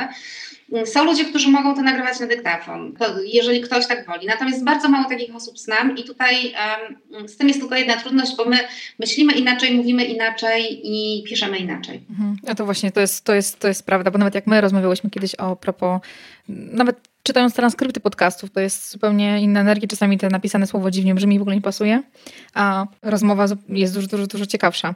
Dokładnie, dokładnie. Dlatego też bardzo mało osób z tego korzysta, ale warto spróbować przynajmniej, bo może się okazać, mhm. że że, że nam to pasuje po prostu, więc przetestować i, i zobaczyć. Mi tutaj jeszcze się pojawia taki myśl, bo mm, sporo moich znajomych długo podróżuje do pracy i spędza godzinę, czasami półtorej godziny w drodze i na przykład u nich się wtedy sprawdza nagrywanie, bo jadą, mają ten czas wykorzystany, mogą sobie nagrywać, potem i tak muszą to odsłuchać, więc trochę to trwa, ale e, myśli im zostają i wiesz co, i przypomina mi się e, też osoba, chyba Tomek Tomczyk pisał w książce a propos pisania w postów na blogu, on ma w łazience na przykład w różnych miejscach ma zostawione notesy, bo czasami mm, jakaś myśl się pojawia, fajny pomysł na temat i warto mieć coś pod ręką, żeby to zapisać. Ja jestem na przykład fanką e, recyklingowanego papieru, bo mam taką sytuację, że ja, ja niczego nie drukuję, e, bo albo piszę w notesach właśnie, albo piszę na komputerze, natomiast mój partner z kolei drukuje wszystko, bo on musi widzieć teksty wydrukowane, dopiero wtedy widzi jakieś błędy też swoje stylistyczne, więc on mi dostarcza po prostu ogromnej ilości papieru recyklingowego, na którym ja piszę ogromnej ilości notatek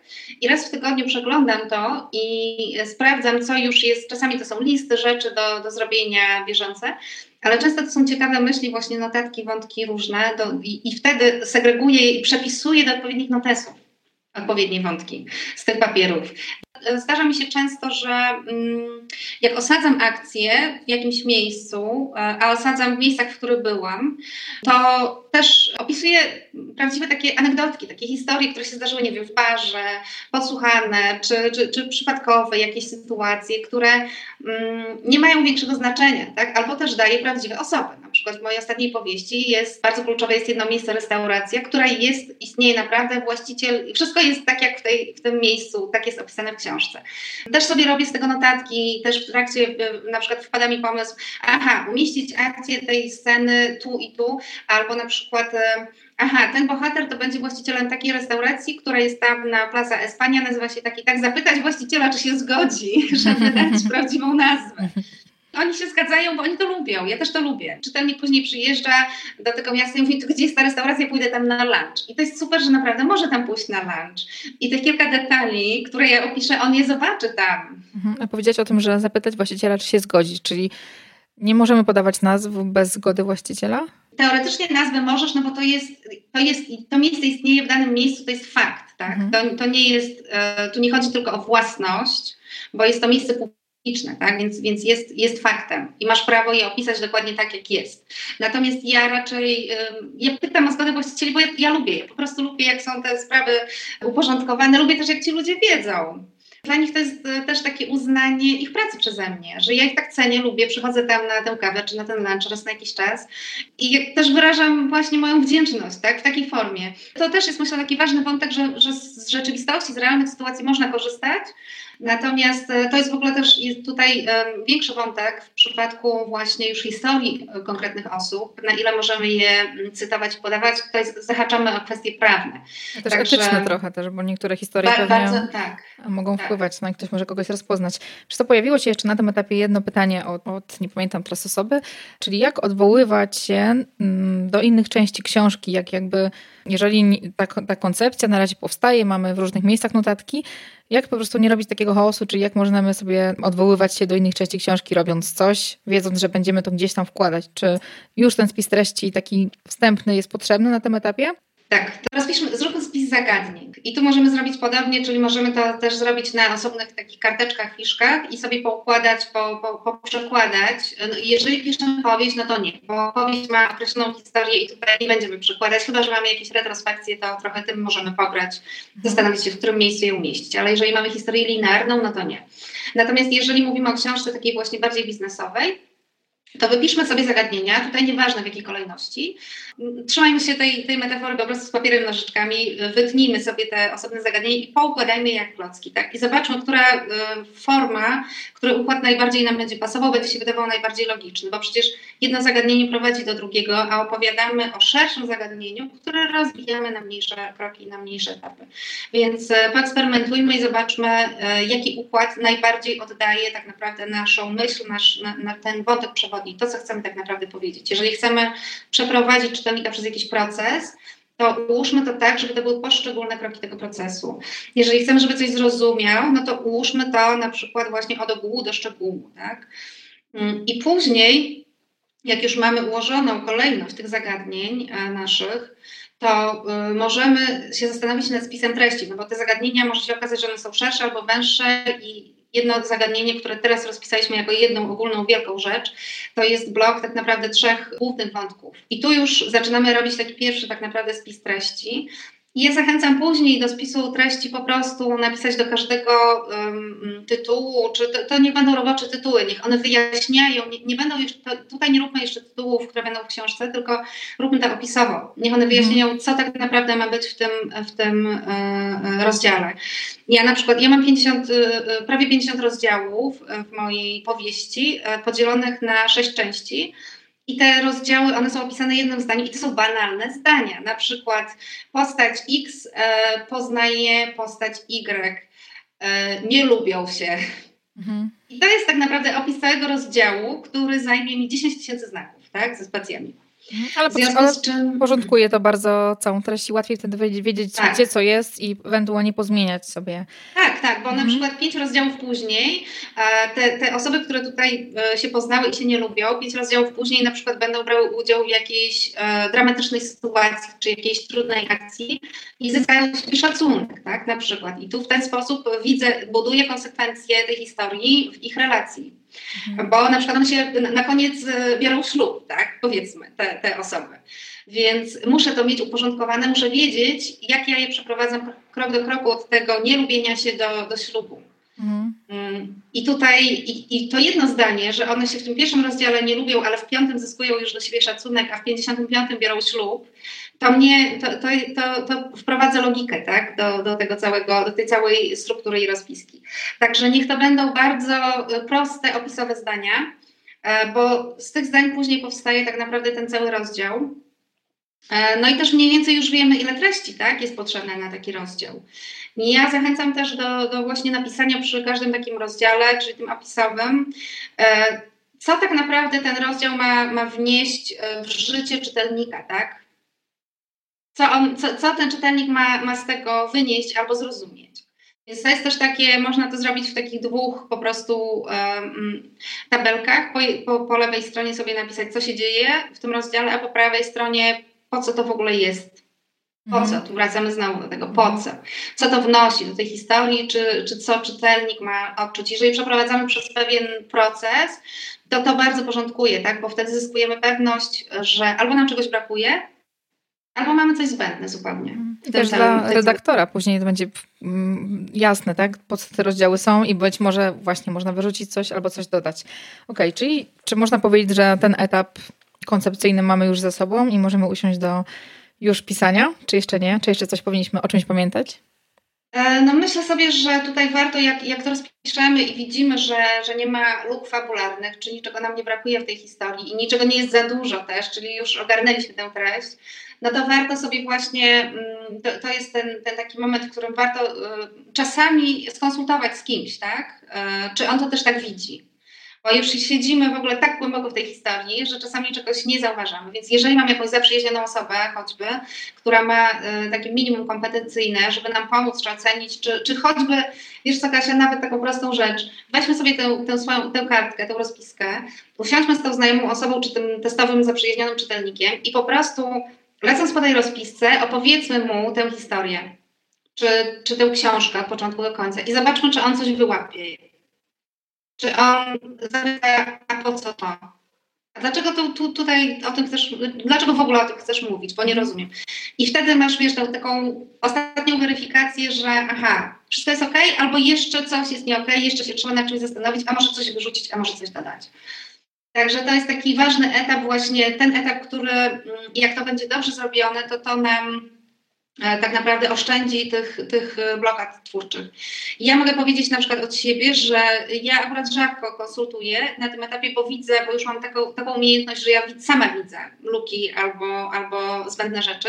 Natomiast ja z kolei, to co powiedziałam, sprawdzam sobie pod kątem różnych struktur, czyli struktury storytellingowej, pod kątem struktury trzech aktów używanej w tworzeniu scenariuszy filmowych, e, pod kątem kilku różnych struktur wcale nie literackich, tak? Mm. Czyli gdzieś jednak fajnie na tym ostatnim etapie nałożyć sobie kilka różnych takich filtrów, żeby się upewnić, czy, czy siatek, czy jakichkolwiek innych ramek, żeby się upewnić, że tu wszystko jest bo ja nadal mogę, wiesz, mogę podjąć decyzję, że wszystko jest, to ja sobie teraz e, to zrobię nielinearnie, tak? To teraz ten mój ostatni, nie wiem, czy, czy piąty rozdział będzie rozdziałem pierwszym, mhm. bo tak sobie wymyśliłam, że tak zbuduję to, to napięcie, to zaciekawienie w czytelniku, że on się dowie czegoś, co się dzieje prawie pod koniec i będzie musiał czytać tę książkę, żeby się dowiedzieć, jak to się stało, tak? Ale mimo wszystko, żeby to zrobić, to muszę mieć to wszystko linearnie ułożone. I dopiero potem sobie przekładam już te klocki. Ale jak już przekładam, to już siedzę i piszę dokładnie tak, jak to wymyśliłam. Tu już nie ma zabawy. Okej. Okay. Etap mamy zamknięty. I jak, ile kolejnych etapów jest przed nami w procesie pisania? E, no to w procesie pisania jest jeden etap, to jest pisanie po prostu. Tutaj e, e, rada jedyna i najlepsza, jaką mogę dać, to po prostu siadaj na tyłku i pisz. Mhm. Codziennie. Mhm. Po prostu, codziennie. No i tu jest, i to jest ten moment właśnie, o którym wspomniałaś wcześniej, na planowanie dnia y, i organizacji pracy.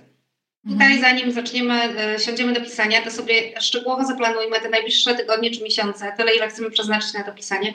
No bo jeżeli mamy już rozpis tre rozpiskę treści, to możemy sobie mniej więcej zaplanować też y, ilość stron Mniej więcej. Ja na przykład mam zaplanowaną e, moją książkę, która ma prawie 50 rozdziałów na 400 tysięcy znaków, co daje mi mniej więcej między 8 a 10 tysięcy na jeden rozdział. Ja sobie mogę powiedzieć, że, jak, że ja będę pisać dwa rozdziały dziennie, czyli 16 do 20 tysięcy znaków dziennie i napiszę tę książkę w dwa miesiące. Mhm. A to, to też planowanie. Tak? Okej, okay. to, to, też warto sobie zobaczyć po prostu, jeżeli e, ktoś, kto pracuje na etacie na przykład od tej do tej godziny, czy też ma swój biznes, to też musi zobaczyć sobie, ile czasu jest w stanie wygospodarować realnie na pisanie i e, chyba taka regularność i nawet mniejsze porcje, ale codziennie są lepsze niż takie zrywy raz na dwa tygodnie, na dwa dni ktoś jedzie gdzieś mm, i pisze, tylko raczej regularność, bo ta książka chyba jest z nami cały czas, tak i ciągle o niej myślimy. Tak, tak. Mhm. Zdecydowanie, zdecydowanie zgodzę się, że to jest najlepsza metoda. Fajną rzecz powiedziałaś, że już wiemy, wie, wiemy, ile czasu możemy poświęcić dziennie e, na pisanie. Też sprawdźmy, ile czasu zajmuje nam napisanie jednej strony. Mniej więcej. Mhm. Bo wtedy będziemy wiedzieli, jeżeli planujemy sobie 30 minut na przykład dziennie napisanie, bo to jest, to jest bardzo dobra strategia. Tak naprawdę, jeżeli planujesz 30 minut dziennie na napisanie, napisanie i w te 30 minut powstanie jedna strona, to masz w ciągu miesiąca 30 stron, tak? Czyli w zasadzie masz, jesteś w stanie w ciągu 3-4 miesięcy napisać książkę, tak? Mhm. Małym nakładem mm, pracy i, i wysiłku, bo y, masz treść przygotowaną na tyle, że po prostu siadasz i piszesz 30 mhm. minut. Po to, po to właśnie jest to przygotowanie tego konspektu, harmonogram i tak dalej, żeby po prostu wiedzieć, bo czasami mi się wydaje, że mm, trudnością dla wielu osób, czy robieniu różnych rzeczy, czy robieniu generalnie czegokolwiek jest to, że siada się i nie wie się, co ma się robić i przez to się nic nie robi, albo ten czas jest e, przez palce nam przelatuje, a jeżeli mamy informację, że dzisiaj piszę na ten temat, to czy mi się, czy mi się chce, czy mi się nie chce, to coś napiszę na ten temat i to jest, wiesz, to jest chyba to główne, ale chyba taką najtrudniejszą, największą trudnością, jedna rzecz to jest skupienie pewnie, tak, bo ciężko się pewnie skupić jest i skupić się tylko na tym pisaniu, jeżeli to nie jest wpisane, tylko to robimy przy okazji różnych rzeczy, nie jest to takim naszym planem dnia konkretnym, to są chyba różne e, takie romantyczne wizje tego, jak wygląda pisanie książki i wiesz, e, weny, e, które na nas wpływają, jakieś niesamowite pomysły mm, i tak dalej. I to, jak też inni, inni autorzy piszą książki. Że to jest coś wspaniałego, tak? Że nie wiem, Brown czy też inni autorzy po prostu siadają i piszą, a to jest, a to jest ciężka, po prostu ciężka praca i też nudna praca czasami. Bo to pisanie przecież nie zawsze jest czymś, co nam przychodzi tak prosto, tak? Tylko nad tym musimy pomyśleć, czasami się zmusić do tego. Jak wygląda u ciebie? Czy u ciebie jest, może u ciebie albo twoich kursantek, bo ty to jesteś już doświadczona, ale osoby, które piszą swoją pierwszą książkę, z jakimi oni na tym etapie pisania trudnościami najczęściej się spotykają? Co, co ich jakby blokuje i hamuje w pisaniu? Wiesz co, zgadzam się, że um, to, to, jest to, to, romantyczne wyobrażenie o Wenie, to ono tak naprawdę cały czas jest, to jest taki tak zwany etos pisarza, że, że pisarz jest jakimś półbogiem niemalże, po prostu, który siada i spływa na niego olśnienie i, i pisze w uniesieniu. Um, ja pamiętam, że ja miałam takie... Um, wątpliwości takie swoje, że mia, miałam duże obawy dosyć długo przed planowaniem właśnie treści, przed takim strategicznym działaniem w pisaniu. Mówię tylko i wyłącznie o pisaniu książki. Mhm. bo, bo nie mam obaw przed strategicznym działaniem w innych obszarach, czy, czy w projektach, bo tutaj tak, tak mam całe życie i to jest mi naturalne, ale bałam się wpuścić tę moją naturalną umiejętność, czy, czy tego mojego stratega w świat artystki tę strateżkę w świat artystki. Bo bałam się, że one nie mogą współistnieć, nie mogą tak naprawdę z siebie czerpać, nie mogą być, istnieć z korzyścią dla siebie, tylko albo jedna, albo druga. Że jak strateżka tam wejdzie, to po prostu w ogóle wyciągnie jakiś miecz i, i, i koniec. Zabije kreatywność jakąś taką całą, tak? I romantyczność pryśnie. Dokładnie. E, ale w którymś momencie stwierdziłam, że okej, okay, jednak um, fajnie mi się pracuje przy tym, plan, jak, jak mam zaplanowaną treść i to jest ewidentnie zupełnie inna praca.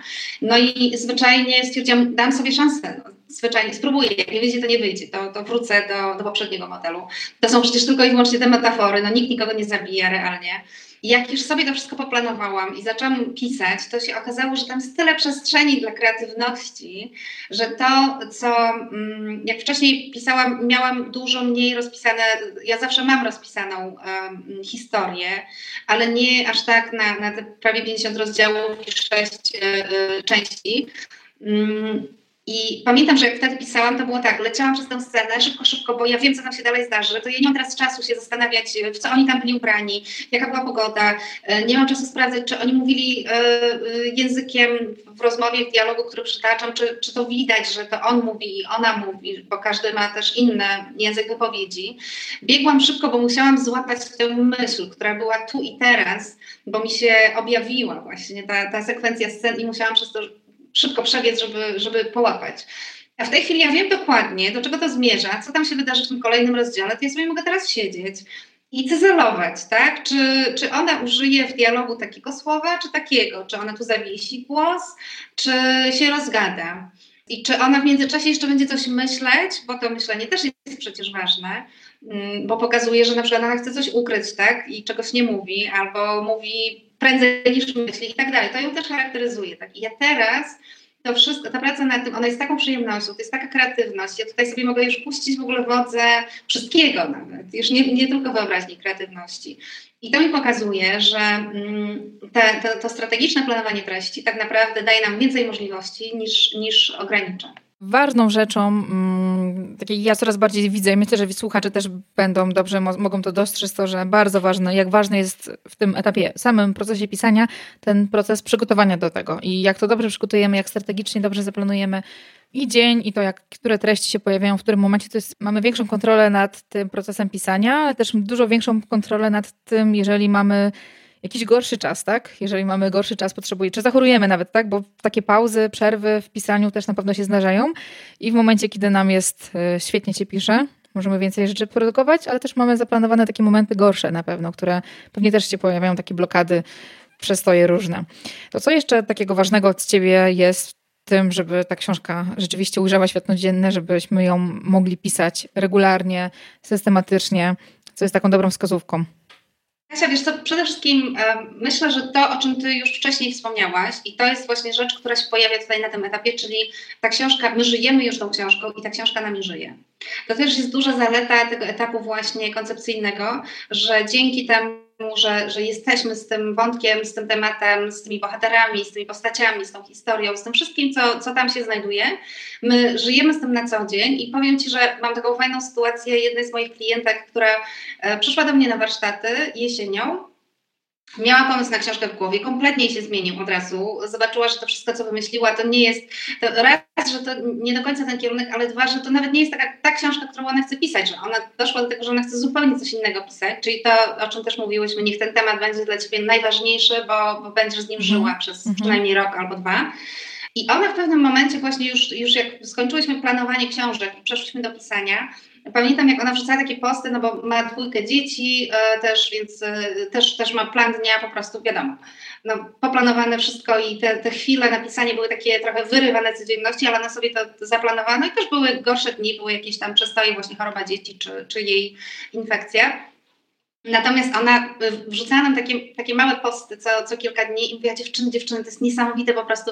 Ta książka, ona już nie, nie opuszcza. Ona już ze mną jest. Ja idę z koleżankami na, na, w sobotę wieczorem e, trochę się rozerwać. I ja siedzę i godzinę im opowiadam o tej książce, a one pat, siedzą i patrzą i słuchają i kiwają głowami mm, mm, i mówią, a jeszcze gdybyś tutaj o tym napisała, to to w ogóle jest super fajne.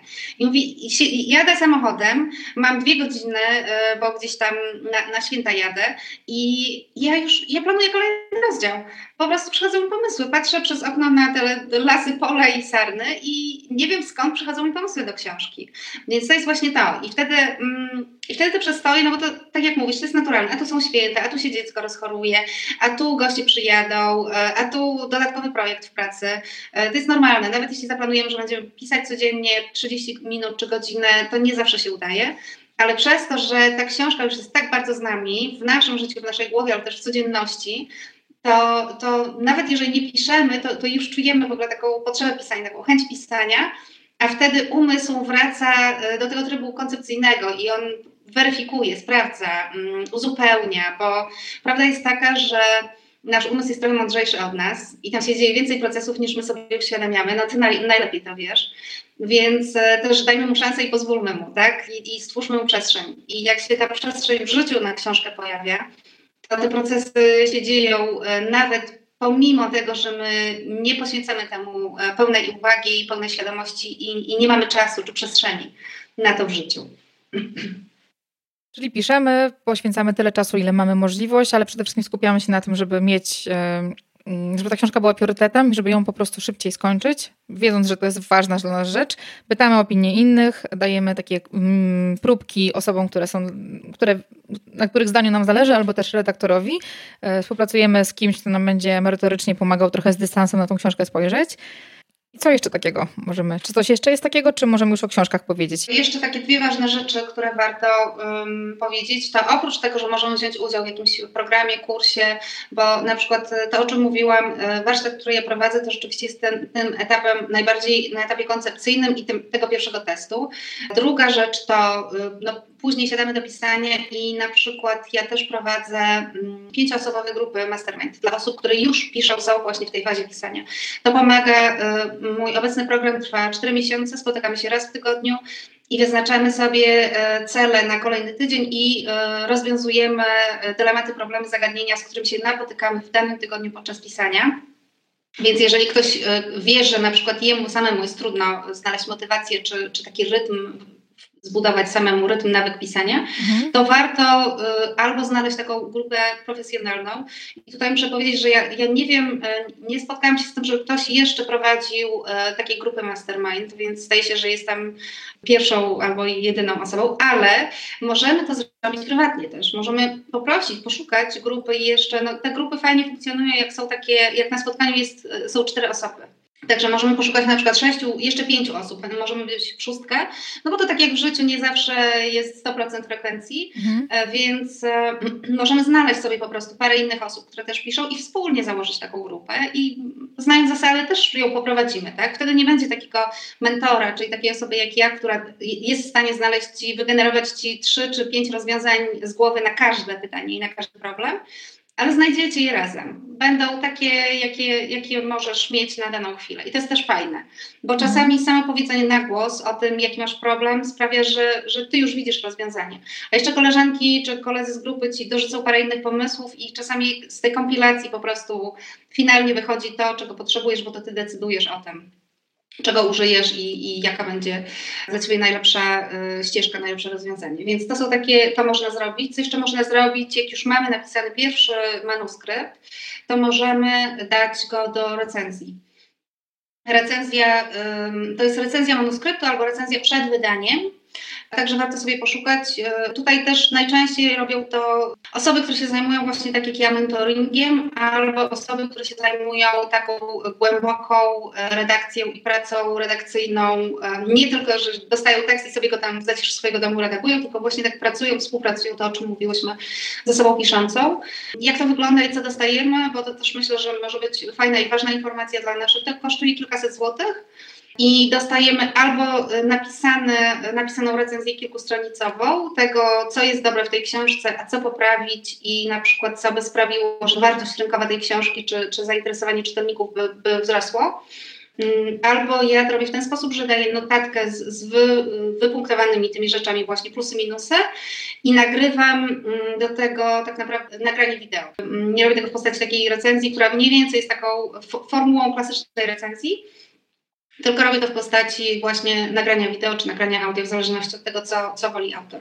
Więc mniej więcej i tutaj dostajesz e, przede wszystkim informacje, co poprawić, co jest fajne i czego więcej, mhm. co poprawić, co wyeliminować i dostajesz też y, takie wskazówki, w jakim kierunku te poprawki powinny iść. I to też jest Twoja decyzja, czy Ty się na to zdecydujesz, czy nie. No i kolejna rzecz, którą można zrobić, to jest na tym etapie, czyli kiedy mamy pierwszy manuskrypt, praca z redaktorem. Z takim właśnie redaktorem, który wchodzi głęboko w tekst, czyli to, o czym mówiłyśmy, przeprowadzić tę rozmowę rekrutacyjną, sprawdzić, z kim on pracował i poprosić o, o próbkę, mini próbkę jego pracy na naszym tekście. I tutaj można pracować, znam osoby, które e, po napisaniu pierwszego manuskryptu pracują z redaktorem, już wtedy najpierw jest właśnie ta taka głęboka rozmowa o tym, co do zmiany, jak wygląda ten bohater, czy może zmiana trochę fabuły pomoże e, podkreślić jego historię i tak dalej. I później jest praca nad kolejnymi rozdziałami tekstu poprawianymi. I tutaj już można dosyłać kolejne rozdziały w trakcie pracy, bo redaktor zna pierwszy mm -hmm. manuskrypt i, zna, i wie, jak się kształtuje ta historia po zmianie koncepcji, jeżeli nastąpiła zmiana koncepcji. Dopiero w tym momencie można się umówić tak, że dosyłamy partiami kolejne rozdziały redaktorowi. Także to, to można zrobić e, na tym etapie i tutaj też można wykonać dużo pracy, więc um, tutaj chciałam tylko nawiązać do jednej rzeczy, o której mówiliśmy wcześniej, że czasami są takie dni, że nie pisze się dobrze. Pisze się to, co powinno się znaleźć w tej książce, owszem, ale to nie są jakieś takie, e, widzimy z innych dni te swoje teksty, że one są lepsze, jakieś takie bardziej e, porywające, fajniej napisane. Okej, okay, moja rada nie poprawiać w trakcie pisania, dopiero jak będzie ta całość, bo tutaj czy samodzielną redakcją, jeżeli mamy taką umiejętność, czy pracą z redaktorem, wyrównamy ten poziom. Mhm. Czyli, Czyli ważne, te żeby... słabsze fragmenty, tak, mhm. tak, dociągniemy do tego poziomu, który nam się podoba. Czyli morał cały jest nieważne, jak ważne, żeby, żeby robić do przodu i w tych lepszych dniach można coś więcej robić, a w tych gorszych po prostu robić taką rzemieślniczą, prostą pracę. I też Paweł Tkaczyk, generalnie on, on bardzo mocno w tym wywiadzie, w którym my rozmawialiśmy, bardzo, bardzo mówił, że za bardzo się przecenia te wszystkie weny, jakieś takie nad y, rzeczy, które są mniej przyziemne, a za mało ten warsztat rzemieślniczy doceniamy. I w tym pisaniu też mogą nam pomóc oprócz ludzi, to też narzędzia, które są dla nas wygodne. I na rynku jest dużo, dużo różnych edytorów tekstu, od takich najprostszych typu Word, e, czy też dokumenty Google, do rozbudowanych, które już mają, wyglądają jak książka. Jakie te narzędzia polecasz? Dla takich, które są podstawowe, do takich bardziej zaawansowanych, które ktoś to uwielbia, aplikacje i narzędzia, będzie się super czuł, będzie mu się po prostu lepiej pracowało na takich zaawansowanych narzędziach. No właśnie, to tutaj też e, pokazałaś ten, ten aspekt, bo to zależy, co kto lubi i czego kto potrzebuje. Mhm. E, jeżeli ktoś lubi właśnie takie rozbudowane narzędzia, fajne, jakieś zaawansowane, w których można sobie poprzekładać, a tu bohater, mam, mam swoją szufladkę na bohatera, a tu mam e, rozdziały, a tu mam jeszcze co pomina, tu wycięte fragmenty, no to są przede wszystkim dwa takie mm, duże programy. One są, one są płatne, ale y, niedrogie w gruncie rzeczy i to jest jednorazowa płatność z tego co wiem i to jest Ulysses i Scrivener. To są takie dwa najpopularniejsze programy, z których korzystają osoby piszące, zwłaszcza jeśli mają duże wolumeny, y, czyli książkę o dużej objętości i dużej ilości zagadnień. Wtedy jest im łatwiej uporządkować, zapanować nad, y, nad tą treścią, tym bardziej, że nie każdy nie zawsze pisze chronologicznie. Mhm. E, czasami mamy w danym momencie to, to, co powiedziałyśmy też wcześniej, że są takie dni, kiedy na przykład mamy czas, mamy ten zaplanowany czas jest, ale nie mamy jakiejś takiej super formy do pisania nie idzie nam i wtedy warto na przykład dokończyć sobie research albo jeśli przyszło nam trzy dni temu przed snem do głowy, że jeszcze w tamtym rozdziale to jednak taką jedną rzecz można by było do, do, dodać i muszę to sprawdzić, bo gdzieś mam takie materiały, to zróbmy to teraz, tak, w tym dniu. Także zdarza się, że, że nie będziemy pisać chronologicznie i wtedy w tych dużych programach można sobie to wszystko tak poukładać, tę całą treść, że się nie pogubimy. Natomiast jeżeli e, panujemy nad całością, mamy tę treść zaplanowaną i ona nie jest jakaś e, gigantycznie skomplikowana, a to też pamiętam, Paweł Tkaczyk też często mówi, nie zaczynaj pisania tekstu od formatowania, bo można tam siedzieć sobie formatować i, i to nawet nie, nie o to chodzi, bo ja na przykład w ogóle nie formatuję, tylko robię większą czcionkę, bo już z wiekiem po prostu dla mojego komfortu potrzebuję większej czcionki niż, niż wiekiem, Ale to, proszę tylko, cię. No, tak, no, czterdziestka, czterdziestka. E, ale ta czcionka jest i tak większa tylko o jeden punkt, więc nie jest źle. Mhm. E, więc jedyne co robię, jak otwieram nowy plik, to, to zwiększam czcionkę, czyli jeden klik, jeden punkt wyżej i tyle. No są ludzie, którzy lubią, ale to im nie służy i nie sprzyja. Więc też są takie edytory tekstu, które nie mają żadnych, żadnego formatowania. Tym bardziej, to też cenna uwaga, że tekst nie powinien być sformatowany, e, bo e, ktoś, kto będzie go składał, łamał, ten, ten, to całe formatowanie musi usunąć, bo jego programy, profesjonalne programy do składu tekstu, one w ogóle nie, nie kopiują tego formatowania i ono tylko przeszkadza i ten tekst się rozwala i ta osoba ma jeszcze więcej pracy, więc nie, nie, nie bawmy się w to, nie formatujmy tekstów. A to dobra uwaga na sam początek naprawdę pisania, żeby nie skupiać na tej wyglądzie, no, bardziej na samej treści pisaniu. Mi na przykład pomaga, bo jak mam dialogi, to lubię, kiedy one jednak są z tabulatorem mhm. wcięte i od myślników, tak? Ale są trzy rodzaje myślników. Takie dwa główne, czyli to jest dywiza, pauza i staje się średnik. No i to też y, jest zupełnie, my korzystamy z czegoś innego, bo nasze wordowskie czy makowskie programy domyślnie dają inny myślnik niż tak naprawdę się używa w łamaniu. Mhm. Ale ja w trakcie pisania mus, muszę to mieć cięciem, bo, bo ja to tak widzę. To, co mogę zrobić na koniec tekstu, po prostu wywalić całe formatowanie. Zwyczajnie. Jeżeli to mi pomaga w trakcie pisania, ok, więc nie grzebać, nie kombinować, nie formatować, Bóg wie jak. No i są takie programy dla tych, którzy się nie mogą opanować, że one nie mają nic po prostu, nie mają żadnej możliwości formatowania. E, jest tylko spacja i, i te znaki, które masz na klawiaturze i tyle, koniec, kropka. Są takie programy, które mają na przykład, e, będą czarne, e, będziesz pisać biało na czarnym, a nie czarno na białym. Są programy, które dadzą Ci odgłos klikania w klawiaturę. Takie klikając w klawiaturę będziesz słyszała tak jak kiedyś był maszyny do pisania, takie mhm. dźwięki. Są programy, które właśnie mm, możesz sobie jakąś muzykę ustawić, są programy, w których możesz ustawić limit, możesz ustawić limit czasu albo limit znaków i on ci pokaże, że osiągnęłaś swoje założony, swój założony limit na dzisiaj. Co też niektórym osobom bardzo pomaga, bo jak one są takie mm, goal-oriented, e, zorientowane na cel i sobie wyznaczą, że mam dzisiaj, no tak jak na przykład ja, jeden rozdział 9000 znaków średnio ze spacjami, to jak ja i, i planuję, że piszę to przez godzinę, to jeżeli ja w ciągu 40 minut osiągnę te 9000 i to, to ja sobie mogę pogratulować, tak? Mhm. I może stwierdzę, że to jeszcze drugie 40 minut, drugi rozdział sobie od razu machnę. Mhm. To słuchajcie, e, linki do tych programów, bo też nazwy ja wrzucę do notatek do tego podcastu i tak samo Edyta udostępni wam je, więc nie będziemy wszystkich wymieniać. Te dwa główne, zaawansowane znacie, a resztę z różnymi funkcjami wrzucimy w notatkach i tam sobie możecie spokojnie, nie, skupiając się na słuchaniu rozmowy, wejść i odsłuchać. Mm, I jeszcze została nam ostatnia rzecz, mm, książki, bo wspomniałaś, że można się, jak ktoś lubi samodzielnie, ja też lubię samodzielnie sama różne rzeczy robić i jest wiele książek, wiele takich poradników, które mogą być albo inspiracją, albo po prostu podręcznikiem, jak coś zrobić krok po kroku. Ja mam takie trzy książki, które sobie zapisałam. Jestem ciekawa, jakie są Twoje książki, które byś poleciła. To, to najpierw ja polecam, a potem ty polecasz swoje, tak? No tak. E, to ja powiem tak, ja polecę książki nie takie, z których ja korzystam, no bo siłą rzeczy ja z nich nie korzystam, ale polecę książki, e, co do których wiem, że korzystają osoby piszące, które są w mojej społeczności. Stąd wiem, z czego korzystają, co jest dla nich najbardziej pomocne. Więc jeśli chodzi o książki, to Maszyna do pisania Bondy. To jest książka, która jest podręcznikiem po prostu, który można wziąć, przerobić jeden do jeden i, i też według niego napisać, ale ona dotyczy właśnie pisania e, powieści. Mhm. Także nie dotyczy pisania y, poradnikowych rzeczy. No poradnikowe rzeczy to, to po prostu naj, naj, najlepiej zobaczyć konkurencję, zobaczyć co ona zrobiła i, y, i, i, sprawdzić też pod tym kątem jaki jest mój pomysł i co tam jeszcze mogę zrobić fajniejszego. Bo też nie ma tak naprawdę jakichś dobrych podręczników y, pisania mm, książek czy poradnikowych czy biznesowych. Tu się bardziej liczy koncept i innowacyjność niż mhm. w powieściach.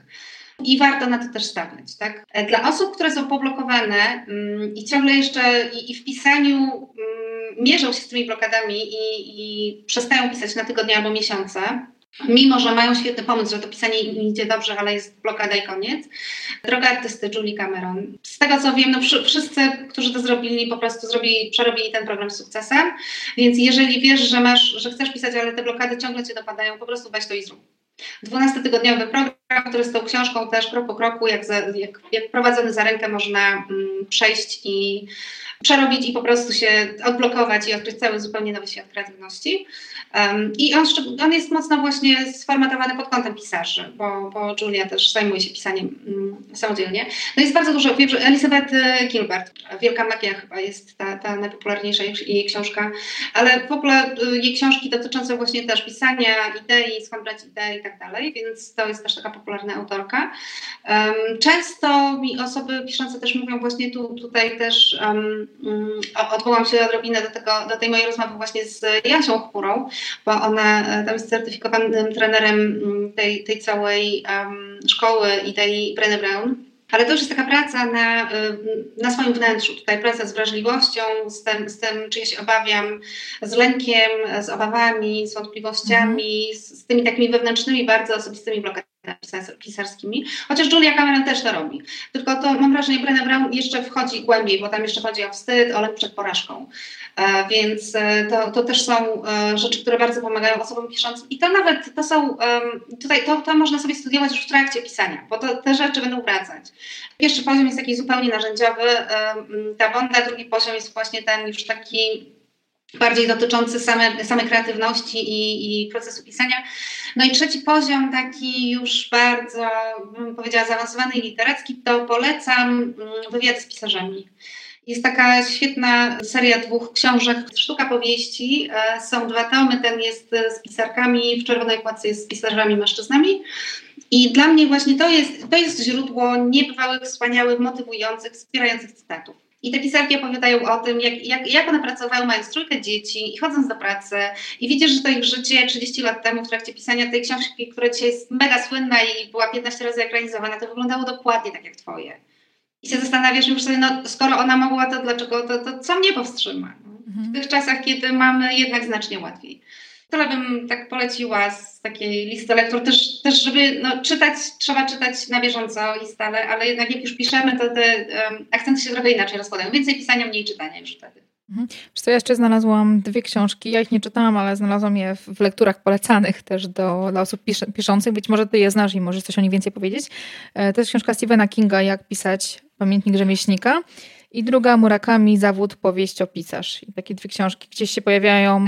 Jak się przygotowywałam, nie znam ich. Ja mam jedną książkę parodnikową tylko w domu. Ani Grabki. Książkę, która powie o tobie i będzie cię promować. I to jest taka typowa poradnikowa i tam na niej, w niej też są takie podstawowe pytania, o których my rozmawialiśmy. Po co, dlaczego, kto jest twoim czytelnikiem. Tylko ona jest cieniutka i to jest raczej do pracy własnej dla osób samodzielnych niż, y, niż jakaś y, mocno inspirująca, której coś tam dodatkowo jest. Wiesz co, Kasia, te dwa tytuły, które, y, które wspomniałaś, zdecydowanie mm, są rzeczywiście w takim kanonie lektur dla początkujących pisarzy, natomiast one są, mm, no właśnie, tam jest trochę porad wplecionych tak naprawdę w fabułę, tak? Czyli fabularyzowaną historię życia i, i, bycia pisarzem mm, danego autora. Wiele osób mi mówi, że może tak mniej skorzystało na tym właśnie jakoś warsztatowo, no bardziej, to też są takie tytuły bardziej inspirujące niż mm. warsztatowe. Z takich warsztatowych tytułów przychodzi mi jeszcze do, do głowy właśnie Pinkert, Piękny styl, Jana Bekier, nie pamiętam dobrze nazwiska, ale to też znajdziemy i dołączymy.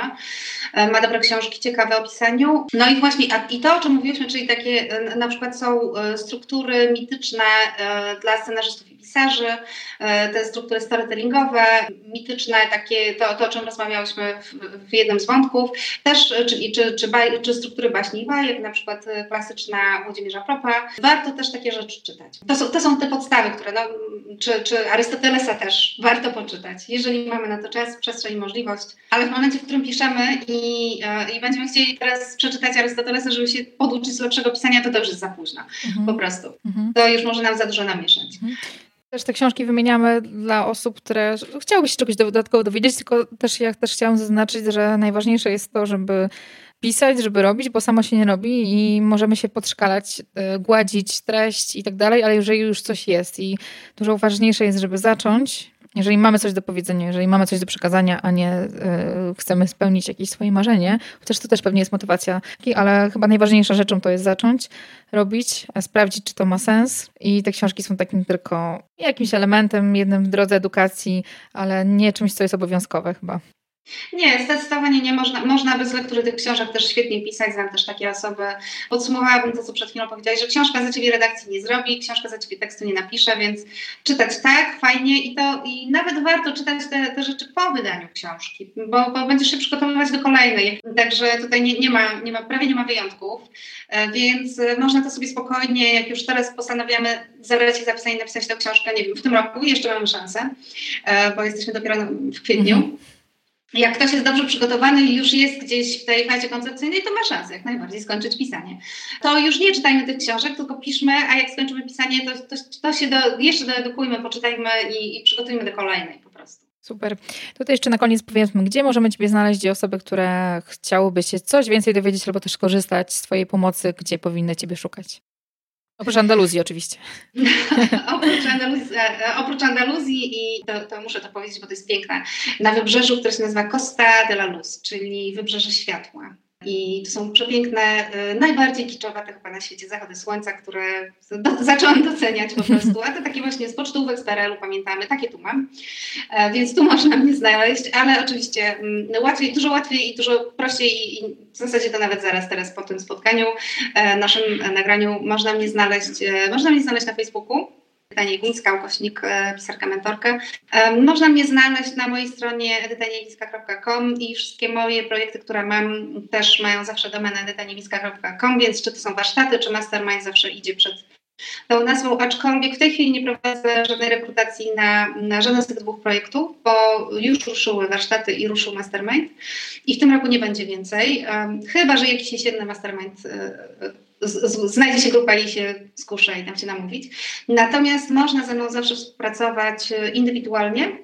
Więc tutaj zachęcam zdecydowanie do kontaktu e, i może po prostu podam adres mailowy, na który ktoś bez szukania Jasne. chciałby zwyczajnie po prostu wysłać wiadomość. I mój mail to jest listy małpa.edytaniewiska.com, bo ja wysyłam newslettery i, um, i one się nazywają listy z przestrzeni słów, bo jestem taka straszniecka, lubię pisać listy, lubię je otrzymywać, dlatego mój adres mailowy nazywa się listy. Jeszcze to jeszcze powiedz może dwa słowa o podcaście swoim, bo też słuchacze słuchają podcastu, więc być może też chcieliby posłuchać Twój podcast. Powiem Ci, Kasia, y, wiesz, to dobrze, o, to jest fajne, bo, bo jako pierwsza osoba pytasz mnie właśnie o ten mój podcast, on ruszył y, na gwiazdkę. Zauważyłam y, potrze dużą potrzebę oswajania tego tematu, pisania właśnie tego, jak on wygląda w ogóle od wewnątrz, od środka, jak, jakie są emocje towarzyszące pisaniu czy poszczególnym elementom i nie ma takich tematów. Są różne, czy posty blogowe, czy materiały na YouTubie o, o, elementach warsztatowych, ale o tym, co się dzieje we wnętrzu, co my przechodzimy, jaki to jest proces w ogóle, jakie to są emocje, jakie to są lęki, przeżycia, obawy, radości, sukcesy, o tym nie ma. I pomyślałam sobie, że w zasadzie nic nie stoi na przeszkodzie, że od czasu do czasu po prostu kogoś, kto pisze, i to nie musi być jakaś gwiazda z nazwiskiem, zapytam o to, porozmawiam i dzięki temu pewnie dziesiątki innych osób poczują, że taką ulgę, jaką ja mam przy czytaniu właśnie tych wywiadów z pisarkami, że no tak, no, no właśnie, no to nie jestem sama, tak? To nie tylko ja tak mam.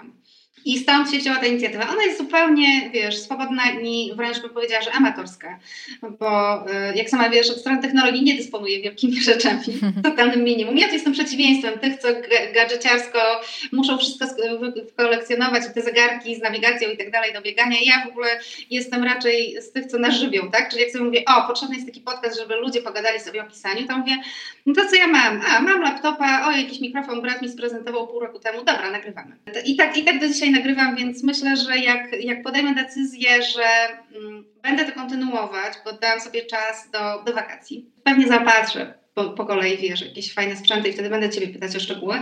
Tym niemniej, zapraszam, jakość jest bardzo znośna, myślę, że potwierdzisz, Kasiu. Jest super. Natomiast, no to super. Na, najważniejsze jest przede wszystkim to, że w tych rozmowach jest dużo szczerości, dużo trudnych tematów, um, o których nigdzie indziej nie usłyszycie. Mhm. Czyli dla osób, które chcą książki, w książkach wspomnieliśmy o narzędziach dla osób w wersji podstawowej i wersji zaawansowanej. A jeżeli ktoś chciałby tak. z Was posłuchać, woli słuchać niż czytać, to zapraszamy do tego podcastu. A jeżeli ktoś pisze i chce się dzielić tym pisaniem, to jeszcze jest właśnie ta grupa, o której wspomniałam, czyli mhm. podcast i grupa nazywają się Pisarskie Olśnienia. To jeszcze raz dziękuję Ci za spotkanie. Do usłyszenia nie, niebawem i Dużo dzisiaj fajnych, ciekawych informacji powiedziałaś nam, słuchaczom i też mi, więc ja też dużo się dla siebie rzeczy dowiedziałam, więc jeszcze raz dziękuję Ci i zazdroszczę Ci trochę tych widoków, o których wspominałaś. Myślę, że wszyscy słuchający też już sobie wyobrażają te kiczowate Twoim zdaniem zachody słońca. Wszystkiego dobrego jeszcze raz. Dziękuję. Nie wiem, czy próbuję jakoś, wiesz, um, z godnością wybrnąć z tego tematu, bo um, o tyle, o ile mam e, nie kiczowaty, e, przepiękny widok na Maroko z kuchni, z okna w kuchni, o tyle e, od um, początku marca nieustannie mam sztormy, więc widzisz, widzisz, że ja tu siedzę w swetrze, bo jest zimno, a ty y, masz wiosnę, bo wiem, bo od kilku dni dochodzą mi sygnały, że w Polsce 26 stopni, w ogóle świeci mm. słońce, trawa się zieleni, jest wiosna. A u mnie sztormy nie wieje. Także wszystko, wszystko musi być w równowadze, tak? Więc kiczowe te zachody słońca, Maroko z okna i wiatr, który urwa głowę, więc nie wychodzimy. Siedzimy, nagrywamy podcasty po prostu. Super, to jeszcze raz dziękuję i zapraszam wszystkich słuchaczy do notatek do tego podcastu. Tam będą wszystkie informacje, narzędzia, linki do książek, to co nie zdążyliście zapisać albo też nie musieliście zapisywać. Jeszcze raz dziękuję i do usłyszenia, do zobaczenia. Dzięki. Odcinek 29 za nami, a jutro już pojawi się odcinek taki trochę specjalny, numer 30 2 maja e, ten podcast kończy swój pierwszy rok życia. I z tej okazji nagrałam taki odcinek podsumowujący, trochę mówiący o tym, co w przyszłości. Kilka ciekawostek się pojawi. Jeżeli będziecie zainteresowani jeszcze takim mm, dłuższą wersją tego odcinka, też będzie link, w którym będzie można pobrać taką drugą wersję dla, dla osób, które są zainteresowane nie wiem, szczegółami typu sprzęt, jakieś takie rzeczy związane z backstage'em, które być może dla wszystkich nie są interesujące, dlatego też ten odcinek podzieliłam trochę na takie dwie części, żeby ci, którzy chcieliby posłuchać takiej podstawowej wersji, będą mieli to e, w swoich aplikacjach, a osoby, które chcą usłyszeć o czymś więcej, więcej informacji, mm, będą miały link do tego, gdzie mogą to pobrać. Widzę, że grono słuchaczy podcastu się powiększa, jest Was coraz więcej, coraz więcej komentarzy także w iTunes i gwiazdek dochodzi, więc bardzo Wam za to dziękuję.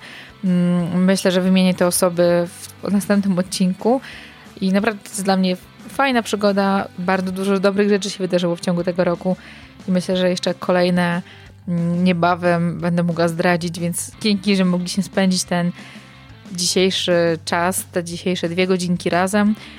Życzę Wam naprawdę, żebyście mieli okazję w tym okresie majówkowym odpocząć, troszeczkę zresetować, wyłączyć się. Tak, więc zapraszam jutro. Jutro też trochę rzeczy opowiem, które chciałabym wprowadzić w najbliższym czasie i takich y, możliwości częstszego kontaktu, nie tylko poprzez słuchanie, tylko też chciałabym zaprosić Was do kilku miejsc, w którym będziemy mogli częściej spotykać. Więc zapraszam jutro. Mm, jeszcze raz wszystkiego dobrego. Do usłyszenia jutro. Cześć.